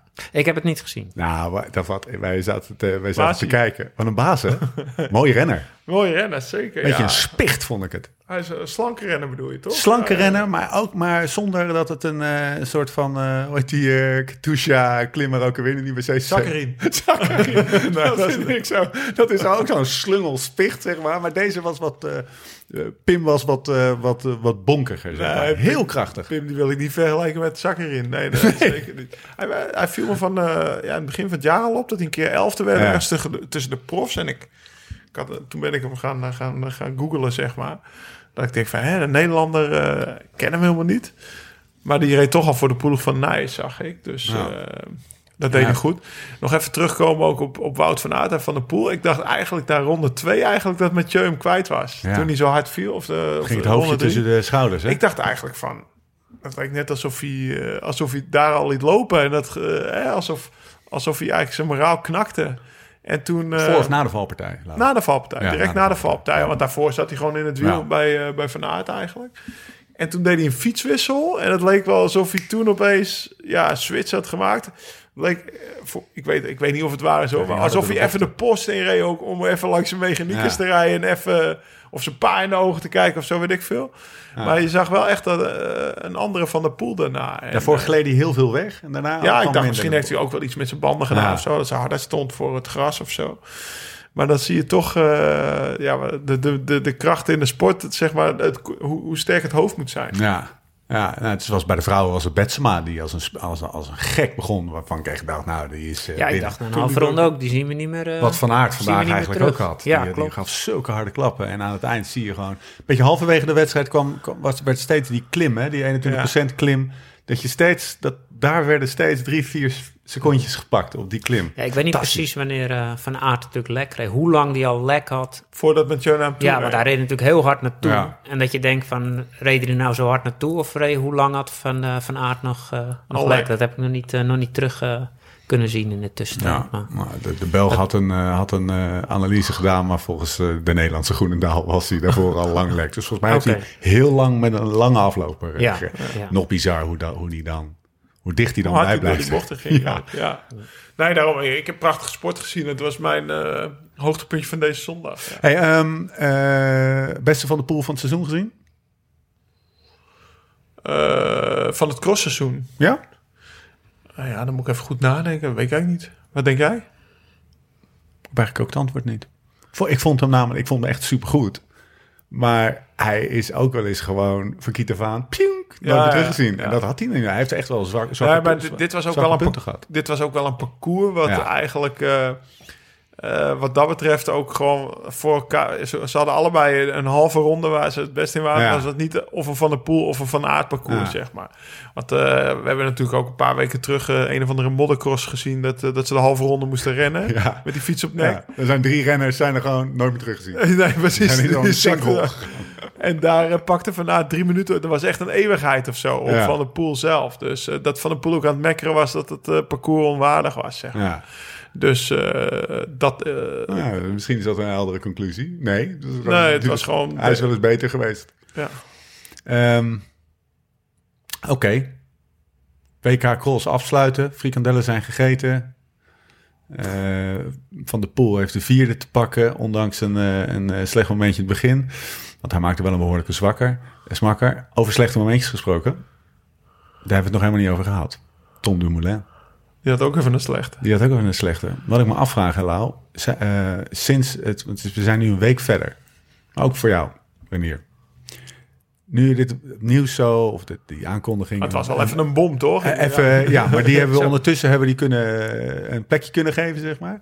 Zijn nou de kansen, gewoon onderbuikgevoel, hè? even huis, tuin eh, eh, hoe noem je dat? Gewoon eh, eh, psychologie van de koude grond, hè? Maar ehm, zijn nou voor je gevoel de kansen dat hij terugkomt geslonken of, eh, of gegroeid? In die week. Gut feel. Gut feel. Dus jouw vraag is eigenlijk, komt hij terug? Ja, Ja, ja, precies. En gestegen of verslonken. Ja, dat, ik heb hem de afgelopen week niet gesproken daarover, zeg maar. maar heb je hem eh, gesproken? Ik heb hem vooral geappt, niet gebeld. Nee. Ik denk dat... eh, ik, vrees er, ik vrees dat hij, dat hij niet terugkomt. Fuck, ik ook, man. Maar ik hoop dat hij wel... Of ja, ik hoop Ja, dat hij wel terugkomt tuurlijk. natuurlijk. Maar eh, ja, dat is, vooral aan Tom om te, dat is vooral aan Tom om te bepalen. Ja. Ja. Maar het, als je, kijk, als je zegt... is de afgelopen week geslonken, ja of nee? Dan als je dan bijvoorbeeld de column van Lefevre vanochtend leest in het Ja. nieuwsblad. Of Wat gisteren, zei hij? die zei, eh, ja, als de veer één keer gebroken is, dan is het toch wel heel lastig om hem weer eh, op te spannen, zeg maar. Dat was de mening van Lefevre. Plus dat misschien, eh, er stond ook een alinea in financiële druk misschien hoog Ja. was, weet je wel. Tom wil het altijd goed doen, zeg maar. Ja. Dus ja, ik, vind- kijk, laat ik het zo zeggen. Het lastigste is geweest, denk ik, voor hem Ja. om te erkennen. Dat is toch vaak zo. Hè? Ik bedoel, eh, erkennen dat je dus twee haakjes een burn-out hebt voor mensen of, of, of, of, of depressief bent. Of, De eh, aap is van zijn schouder. Ja. En, eh, en sindsdien is hij wel opgelucht. Ja. En dat kan ik me heel goed voorstellen. Als je met zoiets al, al maanden rondfietst, dat dat geen fijn gevoel is. Wat zijn jouw gedachten erover, Ranier? Of moest je, wat, eh, wat dacht je ik, ervan toen je eh, het nieuws... eh, Nou, ik was wel even flabbergast. Ja. Ik stond bij mijn zus te klussen en Johnny stuurt me een berichtje. Heb je het gelezen van Tom? Dus ik maak nog een grapje van, nou is hij gepakt, weet je wel. En eh, nee, gestopt, zegt. Was het maar zo? Dan is hij Nee. binnen een jaar weer terug. Nee, maar, eh, Twee jaar. dus ik zeg, tering. Dus ik was echt wel even Ja, even een uurtje tegen mijn zus. Ja, die heeft niks met weinig met fietsen. Ik zeg, hé, maar dat is toch niet normaal? Of snap jij dat nou? Of ja, die snapt natuurlijk helemaal niks van. Maar gewoon, ja, dat, ik was wel even... Dan later ga je er wel anders over nadenken. Ja. Maar in het begin ben je echt zo van, kom op joh, Ja. gast, weet Ja. je wel. Maar ja, later Kut denk- millennial. nou, maar later denk je wel van ja, nou ja, als je natuurlijk gewoon alleen het enige wat voor hem nog eigenlijk meerwaarde is, is misschien wel de Tour winnen. En iedereen verwacht dat. En hij verwacht het misschien zelf ook, dat weet ik niet. Zo goed ken ik hem niet. Maar als dat natuurlijk nog je enige, als je een rit hebt gewoon in alle grote rondes en de Giro hebt gewonnen en podium in de Tour. Ja, dan wordt het natuurlijk wel lastig als dat ook nog wel in één keer in de afgelopen Tour toch nog wel ver weg blijkt te zijn. Ja. Ja, en allemaal die jonge mannen komen Ja, natuurlijk. dat- dat- Die als een mijnwerker op de fiets. Want, want Ja. ik kan me nog wel herinneren dat we wel eens met Tom fietsten, zeg maar, dat hij altijd zei van, hey, jij bent ook echt wel een liefhebber, hè? En dat ik dan dacht van, ja, hoezo? Weet je wel? Dan dacht ik van, dat is iedereen toch? Maar ik denk dat hij het misschien ook wel minder, dat hij natuurlijk gewoon, hij is echt een geweldige sportman. En hij zou ook echt wel van fietsen houden. ja, Dat ik zeker. Maar wel. ik vraag me af of hij wakker wordt met wielrennen en naar bed gaat met wielrennen. Of hij net zo verliefd is op, op wielrenners zijn, als dat, dat hij is op presteren en het beste uit zichzelf halen, zeg Oh, maar. goeie ik denk dat hij niet zo graag, hoe noem je dat? Gewoon het wielrennetje wil spelen. Van maandag koffie met de jongens, dinsdag ritje door de Nee. Ardennen. Dat, dat is niet zijn drijfveer. Nee. En als dan alleen de Tour de France overblijft om die te winnen... Ja, dat is natuurlijk wel op een gegeven moment best wel lastig. Ja. Maakt het dat, dat is een beetje Ja, je, te ziet dun. het in, Ja. eh, je ziet het toch in eh, zijn interview met, met Jumbo TV, zeg maar. Of, Ja. eh, de- die Ja. zegt van ja, weet je, ik kan nu wel doormodderen en dan word ik straks vijfde in de Tour en twaalfde of te spelen. Of andersom, zei hij. Heb je toch niks aan, weet je Ja. wel? Dus het is voor Ja, hem... is- eh, dan klopt die analyse. dat- want ja, het is alleen winnen. Nou ja, dat, En niet, dat- niet eens nog een, nog een keer een etappe of een, eh, een mooi klassement. Of het is alleen winnen. Ja, op dit moment. Ja, ik weet niet, ik ken hem natuurlijk niet goed Ja. genoeg, maar hij is wel echt zo'n sportman. Ik denk dat hij of zelf die druk voelt, of van buitenaf die druk voelt. Ik denk dat Lotto Jum, of, eh, Jumbo-Visma hem ook binnenhaalt als de nieuwe toerwinnaar voor een Ja. Nederlandse ploeg. Zo zal hij dat in ieder geval Ja, nou, zo zal hij ook betaald worden en zal hij die druk Ja. voelen. En dan, ja, of hij daar ooit nog, zeg maar, kan beginnen met weer van gaan fietsen waarom hij ooit is gaan fietsen. Want hij is Ja. ooit gaan fietsen omdat hij en het dat leuk is, vindt. dat is wat er moet gebeuren. En dat, maar dat is best wel moeilijk als je Tom Dumoulin... Ik heb nooit in die positie gezeten. Zelfs Laurens heeft natuurlijk veel bereikt. Maar nooit in zo'n positie gezeten zoals hij nu. Nee, maar het is dus ook niet zo, even Lau, dat de liefde voor de fiets alle, zeg maar, de druk die het met zich meeneemt van het moeten winnen en de, dat iedereen meekijkt, hè, dat geeft hij zelf ook aan. Dat is wel echt kut. dat Iedereen verwacht wel, ik wil het goed doen. En dat compenseert het dus niet, hè? Dat is, nou, daar hij heeft wel aangegeven, ja, die, die balans. Want ik vind wat ik doe zo onwijs leuk. Ik neem die dingen op de koop toe. Die slaat een beetje door. Want hij Ja, vindt de zeker. dingen op de koop toenemen. Die, die, die krijgen nu meer gewicht dan de, de fun Ja, die hij eh, heeft. plus het wielrennen is veranderd Ja, in zijn ogen. Dus Ja. je moet eigenlijk meer op de koop toenemen. ja. Dus eh, zeg maar wat, wat Renier net zegt, maandag koffierondje. Zoals wij zijn opgevoed. Hè? Dat ja. is Dat maandag meer, koffierondje, dinsdag de Ardennen in, woensdag tien uur verzamelen bij tank, half elf Ja. wegfietsen. En eh, na drie uurtjes een keer thuiskomen, want dat was wel eens genoeg. En donderdag weer de Ardennen. Dat, dat, Dat zou is op niet zich meer. nog kunnen, hè? Dat zou op zich Ja. nog kunnen. Dan kan hij nog... Maar zo niet is het voor hem nu niet. En ik nog een hele leuke tijd heb. Maar ik denk niet dat hij er op dit moment genoegen mee neemt. Als hij dat heel makkelijk zou Ja. kunnen schakelen van... Nou, weet je wat ik ga doen? Ik ga lekker een beetje voor de klassiekers. En misschien rijd ik top 10 of ik ga knechten, zoals Geesink. Ja, dan kan je nog een hele leuke tijd hebben. Maar ik denk dat hij Nee. te veel sportman en te veel winnaar is... Ja. om gewoon wielrenner Om te, om te wielrenner te ja. zijn. Zeg maar, om wielrenner te spelen van... dat hij min, met minder genoegen neemt. Maar wat, wat Lau ook een beetje zegt, eh, althans, wat ik, eh, zoals ik het interpreteer, interpreteer is dat, dat hij misschien wel minder een soort van marginal gains renner is. Ook echt een andere renner dan eh, uit de generatie waar jullie eh, komen. Nou ja, kijk, nee, kijk, tegenwoordig is bij, gewoon bij, eh, bij Jumbo-Visma... iedere dag wordt alles gemeten. ja, En dus, dus wat Renier net schetst als wielrenner, het, het leven als wielrenner en wat hij er zo mooi aan vindt, is de vrijheid om je Mhm. eigen ding te bepalen. Ja. Dat is er bij die ploeg niet, niet meer. meer. Nee. Want je gaat dan op hoogte, je gaat dan op het trainingskamp en je moet die dag dat trainen, je moet alle dagen dat trainen en je moet vreten wat Ja. afgewogen wordt, Ja. zeg maar. Dus je hebt, nog niet, je hebt ook niet meer de vrijheid om in je mond te stoppen wat je zelf wil. Dus dat is een beetje weggeraakt. En dat is, dat is denk ik wel wat... Iemand denkt voor je ook, eigenlijk. Ja, en dat is natuurlijk... Tom is wel een vrije geest. En dat is wel iets wat hem, wat hem tegenstaat, denk ik. Zeg maar dat gedeelte van Ja. de topsport. En als daar dan niet meer het winnen van de Tour tegenover staat... Dan Wat het er nog een beetje waard maakt. Ja, Ja, dan Ja. wordt het een stuk lastiger om, om voor hem om dat te gaan doen dan anderen. En, en kijk, sommigen die genieten daar echt, zoals een Steven Kruiswijk, Ja. is een ander persoon. Die geniet van het met je lichaam bezig zijn en beter worden. En van dat proces, hè, en alles tot in de Ja. puntjes. Dat is voor hem genoeg. Ja, En als hij dan op zijn kloten slaat en uit de Tour valt... Dan, dan gaat hij net zo lief keihard verder voor de Giro, Steven. ja. En als hij dan daar corona krijgt, dan staat hij zeg maar bij wijze van dan zal hij echt wel een paar kutweken gehad hebben. Maar die is nu net zo hard bezig weer voor het volgende jaar. Ondanks dat hij vorig jaar nul beloond is voor wat hij erin gestopt heeft, zeg maar. En eh, ik denk dat, dat dat is voor Tom lastiger.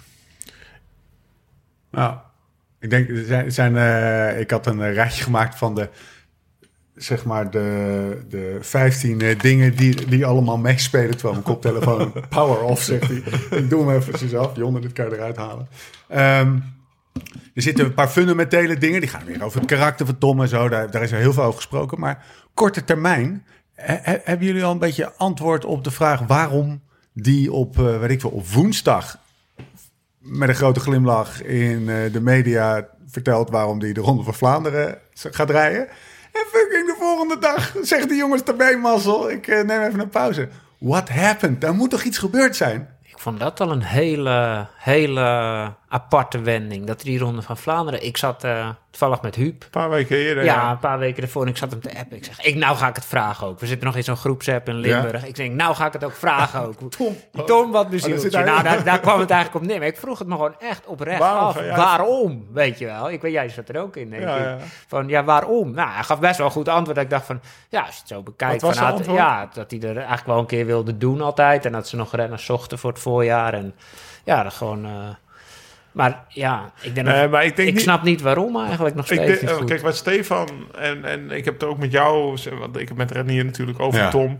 Ga je een paar mensen appen, Renier is er dan één Ja. van, want die heeft toch altijd wel een, eh, nou ja, je hebt het net gehoord, een leuke kijk Ja. erop, zeg maar, zonder dat hij alle ins en outs kent. Maar ehm, jouw vraag is eigenlijk, wat is er op dat trainingskamp gebeurd, dat hij in één keer... Nou, dat vroeg ik ook aan jou. Ja, dat Van, is- was hij nog op trainingskamp? Weet jij Ja. dat, Lau? Hoe zat dat? Ja, dat wil ik dan ook Wat is er gebeurd? Die tussen 6 en 9. Ja, Ja, dat nee. hij opeens dacht, Hoe van, dan het? het wordt hem niet. Nou, ik denk wel dat het een soort opeenstapeling is geweest van weken en maanden. Ja. En ik ga morgen naar hem toe, dus... Ja. eh, misschien Nou, je krijgt een lijstje Poep, mee, weet je hoor. Wel, misschien bij. Maar eh, kijk, op een gegeven moment zit je in zo'n stramien en dan ga je erin mee. ja, dat beschrijft hij ook. Hè? Ja. Weet je wel? En dan natuurlijk, dan, hè, dan, dan, dan moet je uit gaan leggen. Maar ergens onderin zit die twijfel. En het hoeft helemaal niet getriggerd te worden door een ruzie of een voorval of iets, denk ik. Maar gewoon iets dat je op een gegeven moment... Dan heb je misschien die, die ploegpresentatie gehad. En dan, dan lig je in bed en dan denk je... Fuck, dan moet ik volgende week... Dan ga ik nu naar huis.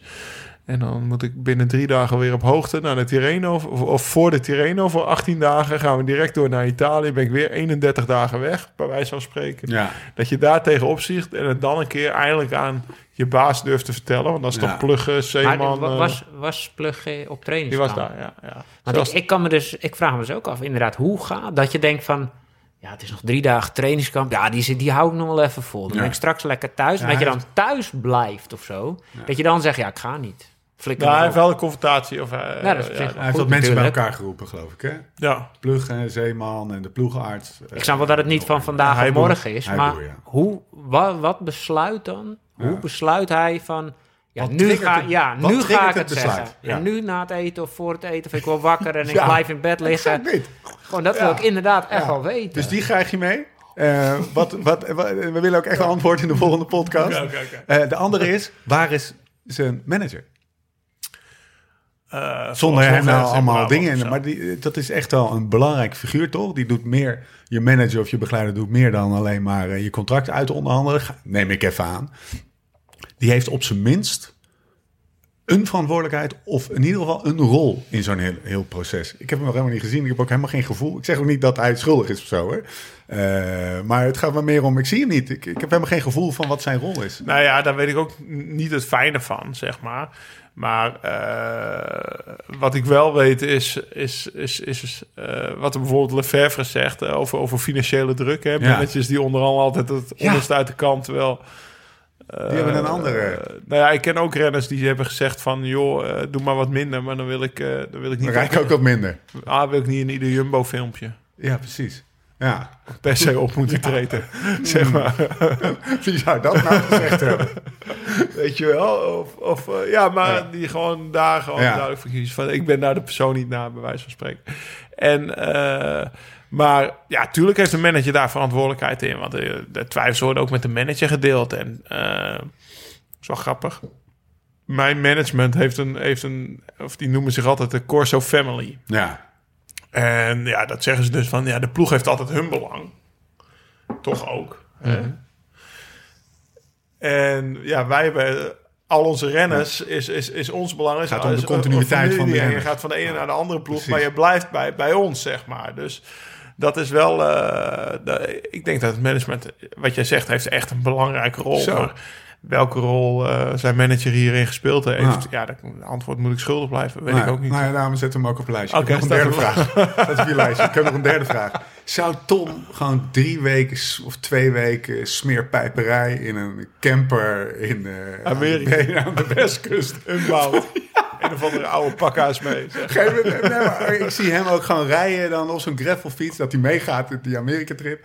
In zo'n flanelletje of zo, weet je wel. En gewoon de hele dag een beetje in zo'n boxershort eronder. Nou ja, kijk, weet je, daar snij je wel een mooi punt aan. Want we hadden het net over een beetje vrijheid kwijt, Ja. zeg maar. Kijk, dat is natuurlijk... wij, kijk, corona valente willen we dus, dus 2,5 week eh, in een camper in Amerika rond gaan trekken. Jij, jij ik, Hossel en Thomas. Ja. Om een paar koersen te gaan rijden. Beetje Costa Rica, alleen dan eh, op... Je kan ook nog mee rennen hier, hè? Maar alleen dan gravel. Met jou in een camp? Ja. Nou, ik pas even. Nee, maar ik geef altijd een voorbeeld. Als je bijvoorbeeld Tom 10 keer 2 minuten opgeeft, bij wijze van spreken, eh, VO2 max. Of een, eh, of een, harde, hè, een harde training. Dan denk ik, pff, ja, harde training. Zet je mij in het wiel, dan doet Ja. hij er 15 hoor. Als ik er na 10 nog niet af ben, dan doet hij 15 Ja. eh, inspanningen, zeg maar. Dus het is toch wat meer een speelse, een speelse Mhm. Maar denk je training. dat ze daar bij, van het bij Jumbo mee de fout in gegaan zijn? Dat ze hem hebben willen, Ja, te veel hebben willen volgen. Omdat ze natuurlijk dachten van hij komt binnen van Sunweb en er is werk aan. Laten we het zo zeggen. Dat ze dan dachten van, oh als er ook maar iets is, gelijk feedback geven. Of gelijk coachen of er bovenop zitten. Ja, ik denk dat Tom had je misschien, eh, die moet je misschien af en toe wat, eh, wat, wat, wat gewoon met rust laten, zeg maar. Die doet zijn inspanningen echt wel hoor. Want jij en ik hebben allebei met hem getraind. Ja, ja, tuurlijk. Nee. En dan eh, zei hij opeens uit niet Jack, ga even een inspanning doen. En dan vlamde hij daar toch een of andere eh, de kamer op of zo. Dat je achteraf die wattage hoorde. Ja, kan niet, weet je wel. Ja. Of eh, ik heb ook wel eens in het wiel gezeten bij hem. Dat mijn trainer bij Sunweb bericht stuurde. Adriaan van, wat heb jij gedaan? Ik zeg, ja, ik zat in het wiel bij Tom. weet je wel. Oh, nou, dat was, was Tom helemaal in orde, weet Nee, je wel. even een weekje rust laten. Dus nou, dat speelse, dat zit bij hem wel. eh, of dat, dat, Eike zei vroeger altijd tegen me... joh, bij Tom moet je gewoon drie weken lang... echt serieus alles laten trainen. Zoals een echte prof, zeg maar. Of een echte prof dan in de ogen ook van Sunweb. Dus met protocollen, dus met en je eten afwegen. En laat je hem een week vrij. En dan gaat hij echt niet een week lang zich klemzuipen. Maar dan gaat hij dus een nachtje carnavallen, wat wij Ja. toen ook in de podcast Ja. hebben. Dat hij, en dan, nou ja, en weet, weet je, een lichaam van 27 of 30 jaar oud. Dat is dat drie dagen dagen later weer vergeten, weer, weet je. Of eh, het jaar dat hij de Giro won, was hij in december nog aan het skiën, bijvoorbeeld. Klein voorbeeldje, Ja. weet je. En eh, op skivakantie geweest in december en dan ga je op trainingskamp. En dan doe je nog een keer een nachtje carnaval in februari. En dan na Parijs-Nice blijf je nog drie dagen in Nice. Ja, dan heb je toch Maar steeds vraagt zo'n een keer het gevoel gehad van... eh, Vragen die dan niet, hoe wil jij dat het? vragen ze misschien wel. Maar bij Tom is het, het, het, het gevoel nu van... ik word zoveel betaald, ik ben de Ja. grote Ja. renner. Ik ga niet Ik- meer antwoorden ik- wat ik wil. Ik ga wat Nee, ik denk ik dat nodig dat- is. ik Omdat ga je dan wat twee jaar tussen aanhalingstekens Ik ben iets minder hebt laten zien. Ja, precies. En heb dan je het je, gevoel dat je eigenlijk moet voldoen aan die verwachtingen die anderen hebben? terwijl je moet nergens aan voldoen. Je moet hard fietsen. Ja, uiteindelijk wel. Maar Je hebt dat vertrouwen is door dat jaar. Nou ja, ik heb en ook een valkuil knieblessure. gehad. Bijvoorbeeld met me. Eh, Als ik niet, eh, als ik niet, eh, niet hard reed, nou, dan zorgde ik wel voor dat ik tenminste dun was, bij wijze van spreken. Ja. Of te, Ja. snap je? Dus dat is dan ook een soort controle iets van dat Als je niet kon trainen, ging je heel weinig eten. Ja, precies. Want dan was je, tenmin- dan was je tenminste niet te dik, ergens- zeg maar, dat het daaraan voor. lag. En fietst hij nu nog? Ja. Ja, nou, ik had ik zou mijn fiets meenemen. Ja, fiets mee, maar hij heeft nog geen wegfiets thuis. Dus hij kan weer een keertje mountainbiken en dat soort dingen Oké. doen. Dus ja, hij zit wel op de fiets. Oké, laatste vraag voor je lijstje is of hij zich niet verneukt voelde door code geel. Hoeven we nou niet op, op in te gaan, Oh, ik ook niet. maar ik eh, vraag even aan hem. Ben ik wel benieuwd naar. Ja, ik ja. kan me namelijk wel voorstellen. Eerlijk Ja, gezegd. nou ja, Wilfried hebben we in de podcast gehad. Dus Nou, die- die zei het letterlijk. zei. Ehm, Wilfried zei voor zo'n ploeg zou het nou, nou, ik wil het nog eens eh, nog een keer, want we hebben natuurlijk over code geel gehad. Ja? Toen met Thomas voor de eerste keer en er komt best wel ja, veel terug. ja, ja, Ja, Ja. en Marijn die heeft ook een keer richting mij gereageerd. En die beelden zijn door één cameraman gemaakt. En die zijn, nou hebben we ook bij Wilfried gehoord, die zijn zeg maar verkocht aan eh, NOS, maar ook aan de VTM in België. En dan zie je wat een edit doet. Zeker. Want code geel hebben wij gezien. Nou ja, ook dat eh, Thomas zei, nou ik vind de coaching vanuit de ploeg... eh, we hebben toen nog gelachen om Richard Pluggen toen hij met eh Primoz na, na de laatste tijdrit zat. En dat Prima zei, soms moet je even niks zeggen. En dat hij binnen drie seconden zijn van hoe voelde je je vandaag, weet je wel. In die document van Aard, bijvoorbeeld, is Ja. diezelfde scène... Wout, waarom Willis? Ga dat checken. Ja, supergoeie docu. Je moet een, als je in Nederland woont, moet je een. Belgische postcode aanmaken. Ergens in Brussel en dan kan je, dan kan je hem kijken. Die, de, die focust helemaal niet zo op... eh, maar da- daar komt bijvoorbeeld de coaching veel beter uit, Ja. vind ik. Ook van het pluggen. Roglic komt er beter uit. Tom. En, da- en Tom is eigenlijk maar een voetnootje. Dat komt denk ik tien seconden voordat hij een keer in een meeting zegt... ik heb last van mijn zitvlak. Mhm. Ik denk niet dat ik fysiek kan brengen wat eigenlijk ik... Kortom, we zijn ook wel een beetje, realiseer dat, als je dat soort dingen kijkt, Bias. overgeleverd aan de edit Tuurlijk. van, van de- van de, van de Als ze en- mij en drie weken zouden filmen en ze knippen daar een half uur uit, dan kan je een aardige docu maken. Hè? Jou toch ook, Lau? ja. Nee, nee. bij mij echt niet. Oké, maar dat is Nee, dus, maar eh, oké, dat terzijde. Maar Ja. ja. tuurlijk. Ik denk wel, want een dag later stond de NOS wel bij Tom op de stoep. Ja. Heb ik het niet meer... Ja, heb ik even zijdelings... Kon hij het weer gaan uitleggen, Ja. toch? De- Ja. Dus ja, dat is, dat is gewoon niet leuk, denk deed, ik. deed hij wel goed trouwens, met een glimlach. Maar ja, hij Ja. vertelde ook met een glimlach dat je Vlaanderen ging rijden. Ja, tuurlijk, met een dat glimlach. Maar dan bellen ze je op van... Ja, komen ze bij de NOS langs... omdat ze het even over die docu willen hebben... die een dag eerder is uitgezonden. Ik zou toch... Ja, ik weet niet hoe jij... eh, Maar dat zou, ja, als ik dan thuis had gezeten... had ik toch wel even gedacht van... Oh jee, komen ze weer, weet je wel. Dus... eh, en het is ook gewoon... eh, sommige renners gaan er ook veel beter mee om. Bedoel, Tank heeft lach aan zijn kont hangen. Bram Tankink. En ik weet nog wel, mijn eerste tour gereden in 2008 en een ronde van Stiphout gereden. En toen zei hij, Lau, kom je daarna nog even een biertje drinken in de, in de Finestraat?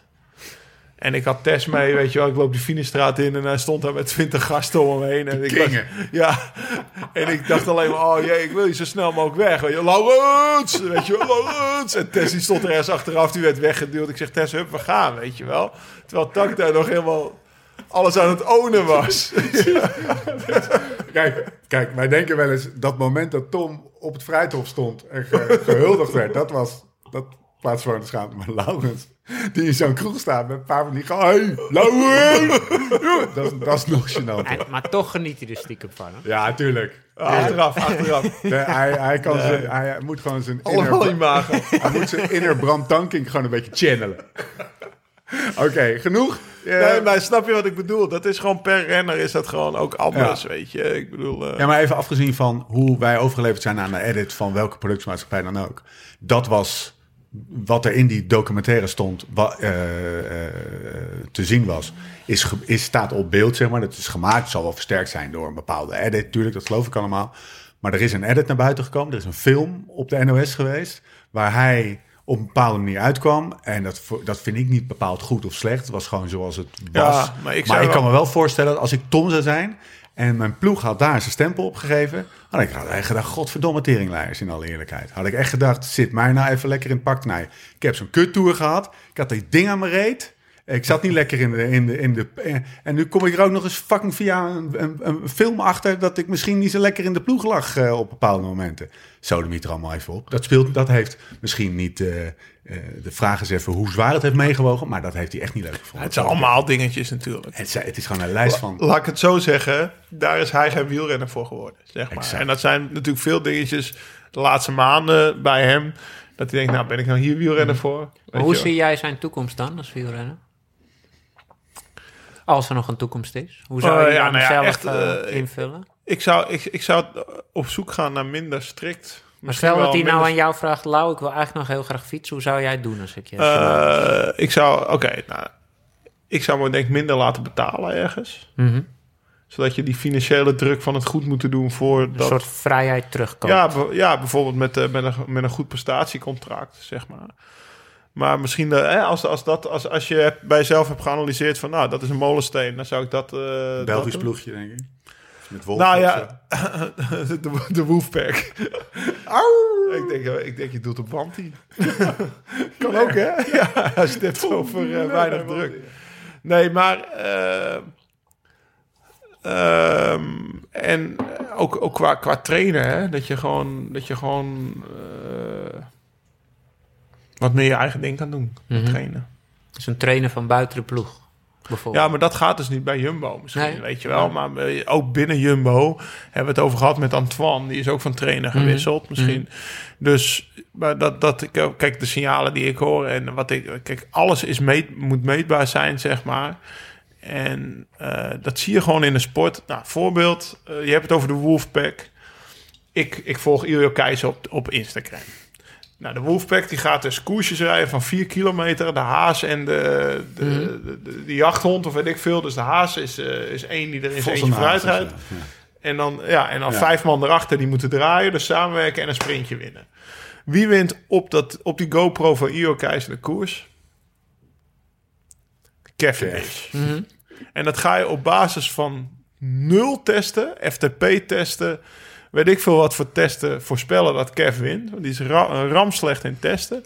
Maar als, als er een koersje is en hij zit goed in zijn vel, want dat is bij Kev Ja, natuurlijk ook eh, een ding. En dat zit hij daar, dat zie je. Want hij keek Hij hem ook nog even en- aan. Hoe heet ja. die, eh, Dan gaat er een of andere barrière uit dat lichaam weg. Helaas heb ik dat nooit gehad. Dat hij opeens drie keer zo hard kan rijden, bij wijze van spreken, als in een of andere fietstest. En dat is gewoon, ja, eh, Joris van den Berg schreef er al een boek over mysterieuze krachten in de sport. En eh, ja, dat is ook dat wat jij, waar jij mee bezig bent, bezig bent met de psyche van de renner.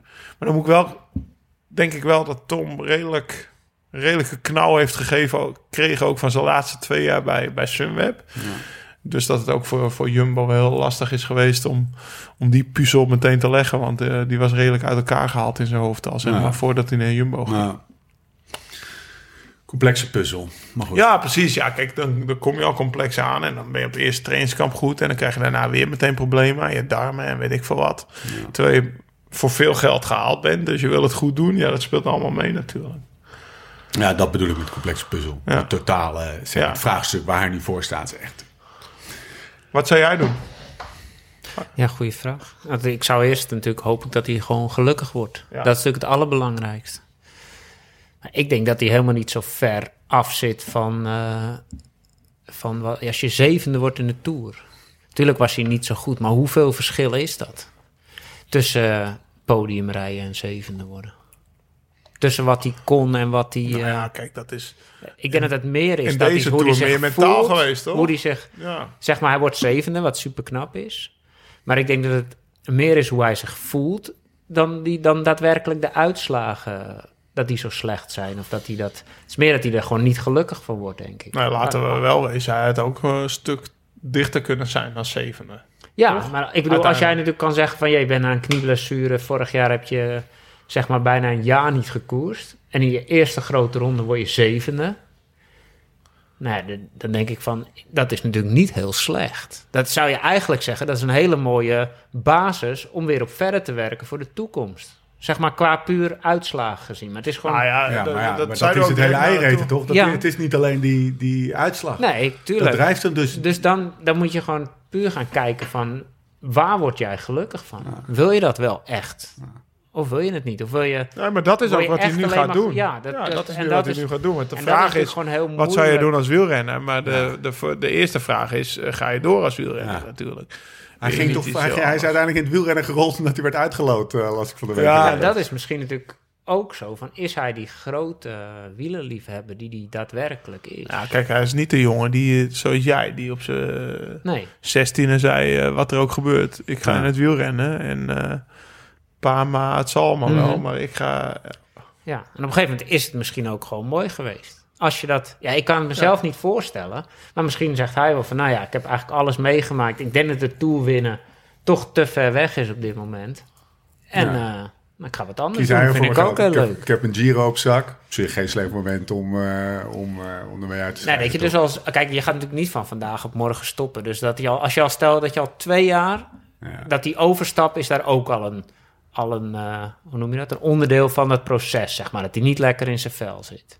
Dan speelt dat natuurlijk al veel Oh, langer. ja, zeker. Dus dan, dan is het ook best wel moeilijk. Om, als je dat in twee jaar niet hebt kunnen ombuigen, Speelt al met heel- alle hulp daarbij, dan zie ik dat ook zomaar niet meer gebeuren, als ik heel eerlijk ben. Nou, en dat is, was eigenlijk ook mijn eerste antwoord op, Ja. op, op Stefans vraag van... eh, is de kans groter of kleiner geworden? Niet groter, in Nee. ieder geval. Nee. Oké, oké. Dossier Dumoulin even afgesloten voor nu. Jij komt terug met antwoorden, die willen we. Vooral die ene vraag van die, van die, van die, van die, die smeerpijperijcamper. Steren. Wat is steren?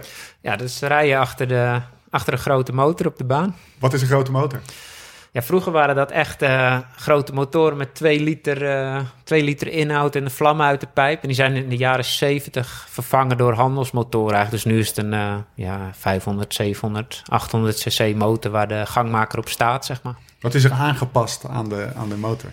Eh, ja, je staat er dus op om zoveel mogelijk eh abri te hebben. Dus zoveel mogelijk wind weg te nemen. het zo, abri? Ja, abri. Lekker. Schoonmaker heeft ook een goede abri. Ja. Een bushokje eigenlijk. ja. En eh, ja, er zit een rol achter waar je dus tegenaan kan rijden. Dat je niet valt. Dat je, ja, je kan eigenlijk best wel veilig tegen die rol aanrijden. Er gebeurt Ja. er niet zoveel. En eh, ja, het gas zit andersom. En eh, Is ja, het, ja, dat is dus... ja, het zit andersom. En ja, het stuur is wat langer. Maar voor de rest, het zijn eigenlijk gewoon handelsmotoren. Ah, Tess die gaat een plaatje toevoegen. Want Ja. het is best wel abstract. Ik stuurde Ja. jou een plaatje op vandaag. Ja. Ik zei, wow, dat, eh, Ja. dat is wel anders dan ik had gedacht. Eh, ook om, om zo dicht mogelijk achter die motor, dus zoveel mogelijk abri te hebben, Mhm. is er een aparte fiets met een zadel wat heel erg Ja, naar voren staat. precies. Ik weet nog, ik heb het, zeg maar in mijn, nou ja, we hebben het over wielrennetje willen worden van jongs af aan. Eh, je had vroeger het boet, ik, ik gaf op de basisschool al een spreekbeurt wielrennen, zeg maar. En dan had je een boek wielersport en dat haalde je dan van de biep. En daar stond op, dat was de, in de jaren 90 dus ook, of 80. Daar stond zo'n steerfiets in. Nou ja, dat zadel zit naar voren, dan zat er zo'n zo'n zo'n zo'n zo'n zo'n zo'n stangetje onder het punt van het zadel. Want dan kun je zadel niet afbreken, zeg maar. Ja, nee, ja, je probeert natuurlijk zo ver mogelijk naar voren Naar te voren zitten. te Zo, zitten. zo dicht mogelijk achter die motor Er zitten te heel gekke houdingen. Voor heel kleiner dan het achterwiel? Ja, ja. Klein, en dan het stuur best wel hoog ook. ja. Waarom, waarom is dat voorwiel kleiner dan het Ja, er heeft ooit iemand bedacht, als ik nou een kleine voorwiel neem, dan kom ik dichter bij die motor. Ah, Zo is dat ooit natuurlijk eh, ontstaan door, eh, door iemand. En een belachelijk zware versnelling. Ja. ja. Hoe zwaar? Want hoe hard ga je?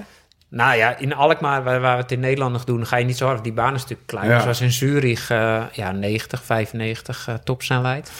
Dat eh, haal je wel. Hoe kan je winnen? Dus, Ja, eh, dus wat- wat, is, de wat is een wedstrijd? Ja, Ja. Wat is een wedstrijd? nou ja, het is, je start dus met een man of eh, acht. Ja, op die grote banen soms negen. En dan... eh, Negen koppeltjes. Ja, dus. negen kop. En finales zijn meestal over een uur van grote kampioenschappen. Dus een uur en dan is het gewoon wie het eerst over de meet komt, die heeft gewonnen. Maar het is best wel, best wel tactisch. Omdat je dus, als je te dicht op een andere koppel komt, dan krijg je dus heel veel wind van die andere motor. En die komt eigenlijk tussen jou en je gangmaker. Vuile wind noemen ze dat.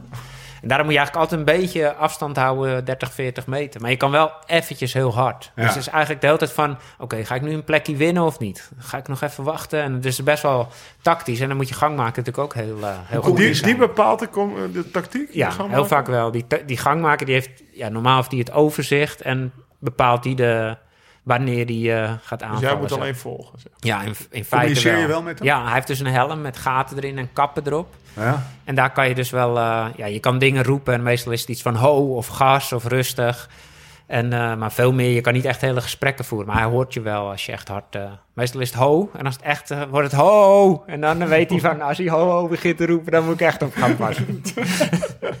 Schitterend. Ja. Heb je dan een vaste gangmaker? ja, ja, ik rijd met Jos, Jos Pronk. Die is net zo oud als ik. Ah, ja. Heb ik samen mee Dus gekoerst. heeft dat, dat, is dat filmpje doorsturen. Dus eh, ja, dus eigenlijk best wel toevallig zo gekomen. Hij reed met Matthé, met, met zijn broer.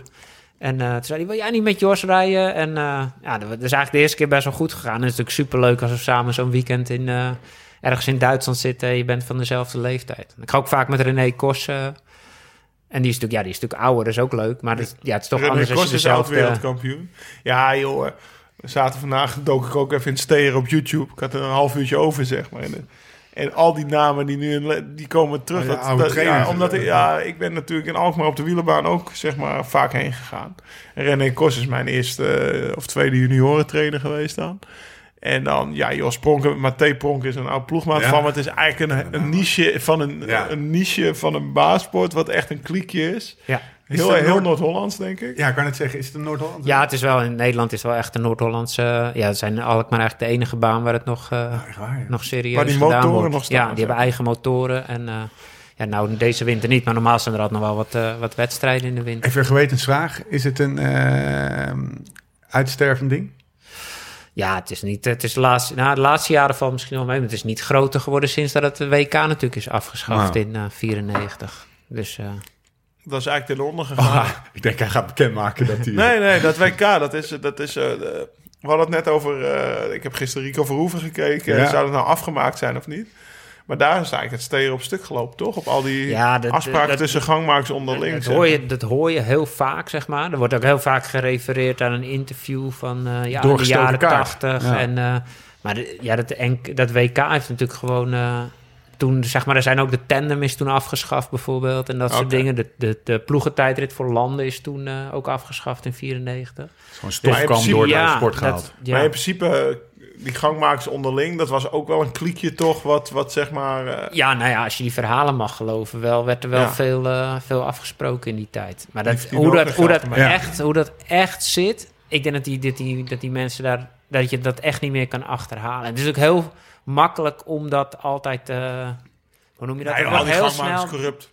Dat, ja, maar hetzelfde als dat, dat Vroeger verkochten ze al die koersen ook allemaal. Hetzelfde als iedereen zegt van... eh, ja, iedereen die bij Rabobank pakt, die, eh, zat, die pakt de doping. Ja. Weet je wel, zo gaat dat... Op een gegeven moment gaat zo'n verhaal natuurlijk een eigen leven leiden.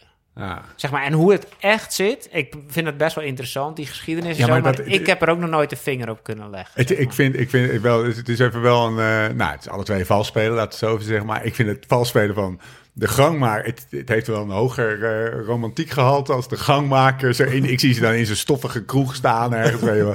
En pak jij die, pak ik die, weet je, dat is wel, dat is, die, die concties daar natuurlijk ook een onderdeel van de koers. gewoon in de jaren 70, 80, nog eh 60, best wel goed geld mee verdiend. Ja. Die waren gewoon echt allemaal beroepsrenners. En ja, er waren gewoon echt veel toeschouwers. En het is natuurlijk, en ook zeg maar qua sport, je bent maar met z'n zevenen. Kijk, Ja. en je kan natuurlijk moeilijk 200 man. Dat is moeilijker afspreken dan met zeven. En met wie je altijd elke week tegenkomt. Ja, dat als je Maar vroeger zat het Olympisch Stadion vol, toch? Ja, nou ja. Olympisch Stadion had een grote baan en dat was, er waren grote wedstrijden. Ja, Vet hoor. Ge- Geef je, denk je dat, nog weer, dat het weer gaat groeien? Of dat het weer nou terugkomt? ja, ik hoop het. Maar eh, zoals in Duitsland zijn er nog best wel... Ik denk dat ik in een seizoen zo in de zomer 20 wedstrijden rijd, serieus? zeg maar. Moet eigenlijk Verdien je er geld mee? Kan je er geld mee verdienen? Ja, startgeld krijgen. Ja? Dus ik ben nou Europees kampioen. Dus ik hoopte, of tenminste, dat was ik in 2019. Toen dacht ik, nou, 2020, dat wordt, eh wordt cashje. maar eh corona. Ja.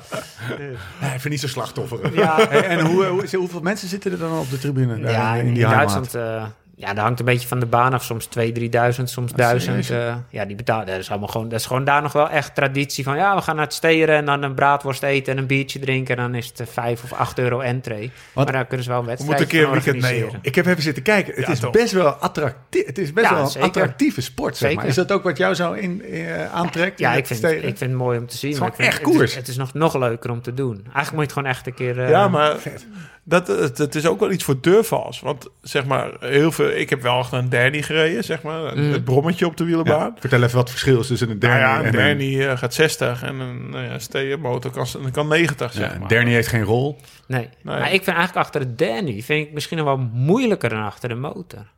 Want als je een Danny, als je natuurlijk dat spatbord raakt en je zit Ja. eronder of je zit net niet Ja, helemaal lekker. je. Dan zit je Tegen die rol kan je best wel redelijk makkelijk tegenaan rijden. Maar het toch- is gewoon een soort stap voor mensen drempel, om, het, ja. om het te doen. Terwijl Maar Alkmaar, als jij komt, dan kan je morgen rijden, zeg maar. Even voor de mensen die niet weten wat je bedoelt. Je hebt een soort eh, stellage achterop, Mhm. waardoor je eh, een soort beschermd wordt om eh, niet met je voorwiel tegen het achterwiel aan te rijden. Ja. Dit is een soort deegrol. Ja, en ik neem even aan dat die rol ja, ook die kan draait als je er tegenaan zeg maar. rijdt. Dus Dus ja, er zit een rek aan met een, met een deegrol. Hij lost Ja. de rol. Ja, Ja, en dan, eh, ja, als je er tegenaan rijdt, dan draait hij dus mee. Dus je remt niet in één Nee, keer heel precies. erg af. Het is natuurlijk eigenlijk de bedoeling om er net niet tegenaan te rijden. Maar En hoe groot is je versnelling? Ja, op Alkmaar eh, rijden we 66, 16. Maar zo op Zurich rijd ik eh 70, 14. Of, nee joh. Ja. Dus, Also, dat is een Tony Martin tijdritverzetje, ja. ja, Vet hoor. ja. Nou ja, en, en eh, hoe lang blijf je dat nog doen, denk je? Nou, eh, tot ze niet meer betalen. nee. nee ja, Heb je concurrentie in Nederland? Eh, nou, in Nederland de laatste jaren is het wel wat minder, zeg maar. Dus eigenlijk het laatste NK dat echt spannend was, was 2017 tegen Patrick Kos. En daarna heb ik eigenlijk wel vrij makkelijk in Nederland. maar in Duitsland zitten er wel een aantal goede steers en in Zwitserland. Dus Wel een liefhebber dit, hè? Ja, zeker. Ja. Maar wat ik zeg, ja, die verhalen die je hoort, weet je, dan, eh, dan gaan ze dus... eh, kijk, dan gaan ze denk ik, eh, wat vertel je nou, zes uur s ochtends weer rijden. En dan, eh, dan rijdt hij naar Zwitserland samen met René. Dat is acht Mhm. uur rijden. En dan rijdt hij het laatste uurtje met zijn fiets. En dan rijdt hij dan daar een steeënwedstrijd. Hoe laat is die afgelopen? ja, tien uur. Tien uur afgelopen. En dan eh, zitten ze om vijf over tien in de auto. En dan knallen ze hem terug. Want een hotel, ja, eh, eh, de startgelden zijn niet zo groot dat je dat hotel ook even. Dus dan zijn ze tussen 24 uur op pad voor dat ene wedstrijdje. Mhm. Acht uur verderop in Zwitserland. Van, van, een- van een uur, zeg maar. Ja. Dat is toch, ja, dan, dan, dan moet je wel een liefhebber zijn, zeg maar. En dat ook allemaal eigenlijk wel een beetje met archaïs ma- materiaal. Volgens mij zijn er weinig carbon steel. Nou, dat viel me ook op. Dat Ja, ja, mijn is toevallig heel... eh, die Die komen rechtstreeks wel- uit de hoogovens, man. Die. De hoogovens. Ja, mijn is gewoon, ik heb mijn van mijn neef gehad, omdat hij hem anders ging, eh, ging weggooien eigenlijk. Maar eh, ja, ik vind ook gewoon, het is ook gewoon de sport om hem zo te houden. Waar staat die? Waar staat ze In, nu? eh, in de schuur staat hij Oh ja, je zo'n Ja, foto En dan fiets je met dat ding daar naartoe. Nee. Nee, nee, nee, nee, nee. Ik, fiets mee, ik neem altijd mijn wegfiets mee en dan eh, laat ik me 60 kilometer voor de, voor de baan eruit gooien. Zeg Oh, ja. rij de laatste twee uur op de weg. Nou, het leukste is wel als je een weekend hebt, want ze betalen ook nog wel regelmatig. In Duitsland betalen ze een hotel en als je op zaterdag een wedstrijd Nou, daar gaan we helemaal mee. En dan op zondag een wedstrijd, je camper hoor. Je zet gewoon je camper aan de baan en s'avonds barbecue. Barbecue, of het nee, nee, washandje mee zijn, verzorgers. Ja. Dat bedoel ik. Eh, Hey. Een beetje masseren, Dus, een eh, beetje vurig warm. Hè? Een beetje krapkrachtig, alles, alles Ja, de koers een beetje krampkrachtig. Slaap je als een rooskot. Helemaal goed, jongen.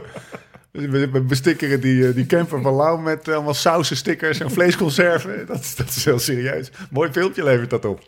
Renier, we zijn Nee, er. maar het is echt, eh, ja, het is folklore. Ja. Maar ik weet nog wel, ik ging vroeger altijd wel graag als... eh, Ja. eh, ik, ik begon als nieuweling te fietsen, gewoon naar de wielenbaan. Het is, en ook, ik zou Jens en Bodie, die vinden Danny zo leuk, zeg maar. Als ze naar de wielenbaan gaan om te kijken, die, die brommetjes. Maar die zouden met de motoren helemaal gewoon al, ja, een half uur zijn die wedstrijdjes al Ja. maar. Half uur met de mond open zitten, zeg maar. Want het is gewoon spektakel. Echt leuk. Mannen. Kijk, Avondklokje? Ja, avondklokje. ik heb hem gewoon hier in de nek zitten hoor. En jullie ook. We, gaan, we moeten gewoon afronden. Dus eh, normaal gesproken zouden we nog drie, vier puntjes pakken. En nog wat eh, vragen op die gozer afvuren. Over waar een rondje fiets aan moet voldoen. En dat dit niet mag Oh, shit, kruisen. ja. ja. dat kunnen we dus allemaal niet gewoon. Ja, Gewoon niet de route kruisen. niet de route En kruisen. niet de, route, niet de links-rechts route van eh Laurens. Niet, Oh, ja, maar er is zijn wel... goed, ja, die is best goed. hoor. Die is van. Ja. Die is van kom op zeg. Is dat een kruisroute? Nee, dat is geen Nee, kruis, maar dan- hij is top. ieder kruispunt ga je links-rechts. Alleen sport, ik ben een sportautist en dat is oké. Re- Reed die route best wel vaak. Standaard route. Dat Dat is het- gewoon je en Waar gaan we heen? Links-rechts. Weet je wel. En nu dan? Rechts-links. Jezus. Jezus. Hey, dit Nee, is maar onze... niet kruisen is wel een dingetje Ja, bij Ranier. En wat dan meer? Want dat- dat- daar zit hij al echt... eh, Ja, niet twee keer dezelfde weg. En, eh, ja, maar vooral niet kruisen. maar soms... Het moet wel eh, esthetisch op Strava een mooi rondje Ja, zijn. dat, je dat moet, als je Reinier eh, soms ziet op straat, is wel grappig. Dan heeft hij zichzelf vastgereden. heeft hij een training van 210 kilometer. Maar dan zie je gewoon van... Nee, dan Oh, is hij zo helemaal... Ik ga, die ga ik ook in de notes laten zitten.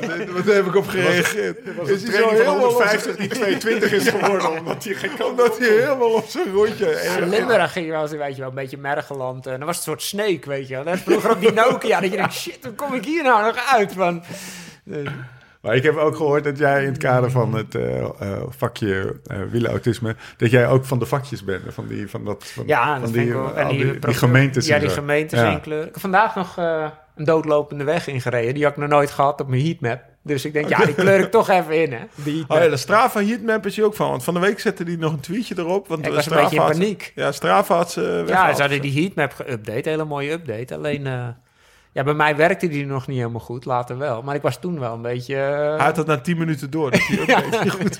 Niemand had die update nog gezien, maar eh, ik was al in paniek. Ik heb die hele, ik heb die, hele, die functie nog is niet. eh, zetten, we ook, zetten we ook in Staat de, de NH100 staat daar redelijk, eh, komt redelijk uitgelicht. En, donker en als je naar, op Limburg inzoomt, dan heb je die links-rechtsroute bij mij zo te pakken. de rest van Nederland. Hier en daar een gravelroute door weer Nederland. Maar verder... eh, Oké, nou. Ehm, we gaan afronden. Sinkeldam Corner, hoe is het met jouw notities? Want jij zou het Nee, bijhouden. hij, hij is leeg gebleven, joh. Leeg, hè? Volgens mij wel, ja. Ik, eh, Wat heb jij daar achter je liggen? Dat zwarte ding? Met die witte letters. nieuwe hoodie hebben we, joh. Ja, hij staat nog niet in de shop, geloof Hij is ik, hè? Ja? Ja, daarom. Ik heb hem goed gebruikt. Ik ga hem zo meteen aandoen, want het is min, Ja, echt min, lekker. min 3 graden. Dus, eh, op- Ossel, die heeft zijn shop weer eh, volgegooid deze week. de, de, en ik geloof dat er zelfs een, eh dat mochten we eigenlijk niet hardop zeggen, maar laten we het toch maar even doen, een, eh, een, eh, een, een klein hoofdstukje met dingen in de uitverkoop is. Of een kleine... Een kleine Maar mensen hebben hem al gevonden, zag ik. Ja? Ja, ik ben van de cijfertjes, hè. Ja, hij ziet het hoor. Hij zit de hele dag te Ik F5. zie die dollartekens in zijn ogen. Eh, wil je nou nog meer zien wat, eh wat Hossel in zijn, eh, in zijn shoppie heeft? Ga dat vooral even checken op lsrf.cc. Eh, de Battle film. Er wordt op zich wel vrij veel naar Ik heb hem, Wie eh, heeft die Battle nou Ik gewonnen? heb hem strak gezet op 7 februari.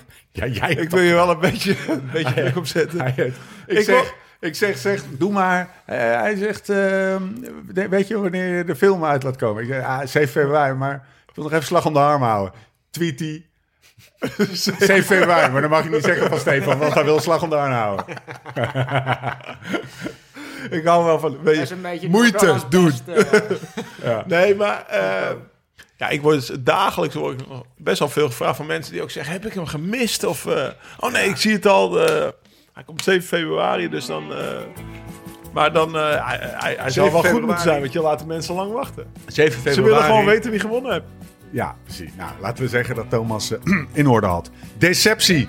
Nog eh 35 seconden hebben we, dan zijn we helemaal op schedule. Keek al geruime tijd. Dit is het kopje. De recensies.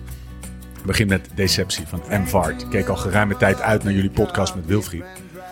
Ook ik, ook ik had de bidonbocht, het Handbike Hotel en Mona Lisa haar huisje al eens op Google Earth opgezocht.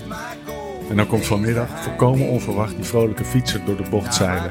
Met de opnuchterende mededeling dat je kan blijven zoeken. Dank voor deze. En niet met Maarten en Bert. Eh, Een prettige verdieping voor jullie podcast. Heel veel succes. Harold. Heel veel mensen die sturen dus berichtjes dat ze dat, vooral Mona Lisa verhaal, eh, dat ze dat daar echt even van hebben moeten bekomen. Dat dat dus niet echt was.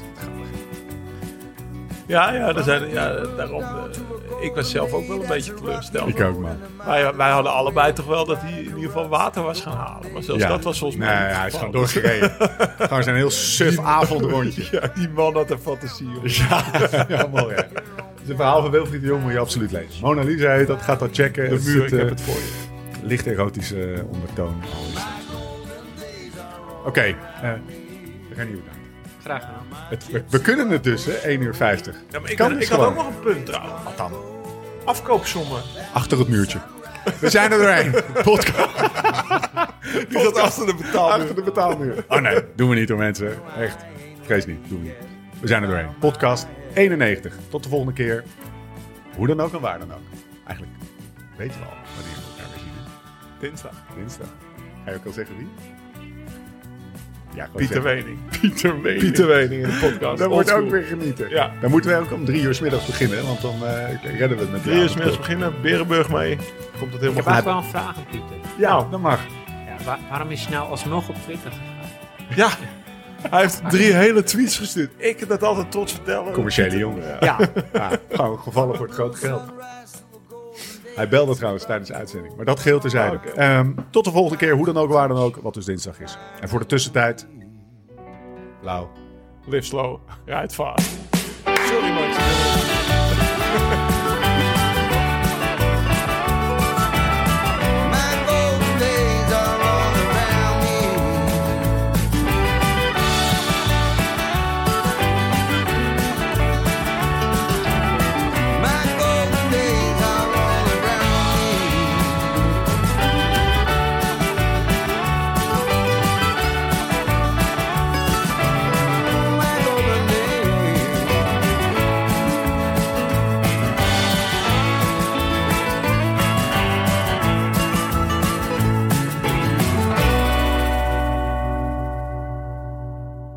Ook op. Heb jij die podcast gehoord? Dat is, dat is toch echt wel goede reclame, hè? dat is toch... Maar ook als we aan het trainen zijn in Oostenrijk. Hé, maar Reinier, je kan hier toch echt schitterend trainen, of niet? Hij heeft ook zo lekker veel bevestiging nodig. Hé, maar hier kan je toch echt goed op trainingskamp? Op, op deze weg kan je toch echt goed een blokje doen? echt wel om de vijf minuten, weet je. maar hier, dit is toch echt een goede klim voor een 20 minuten test.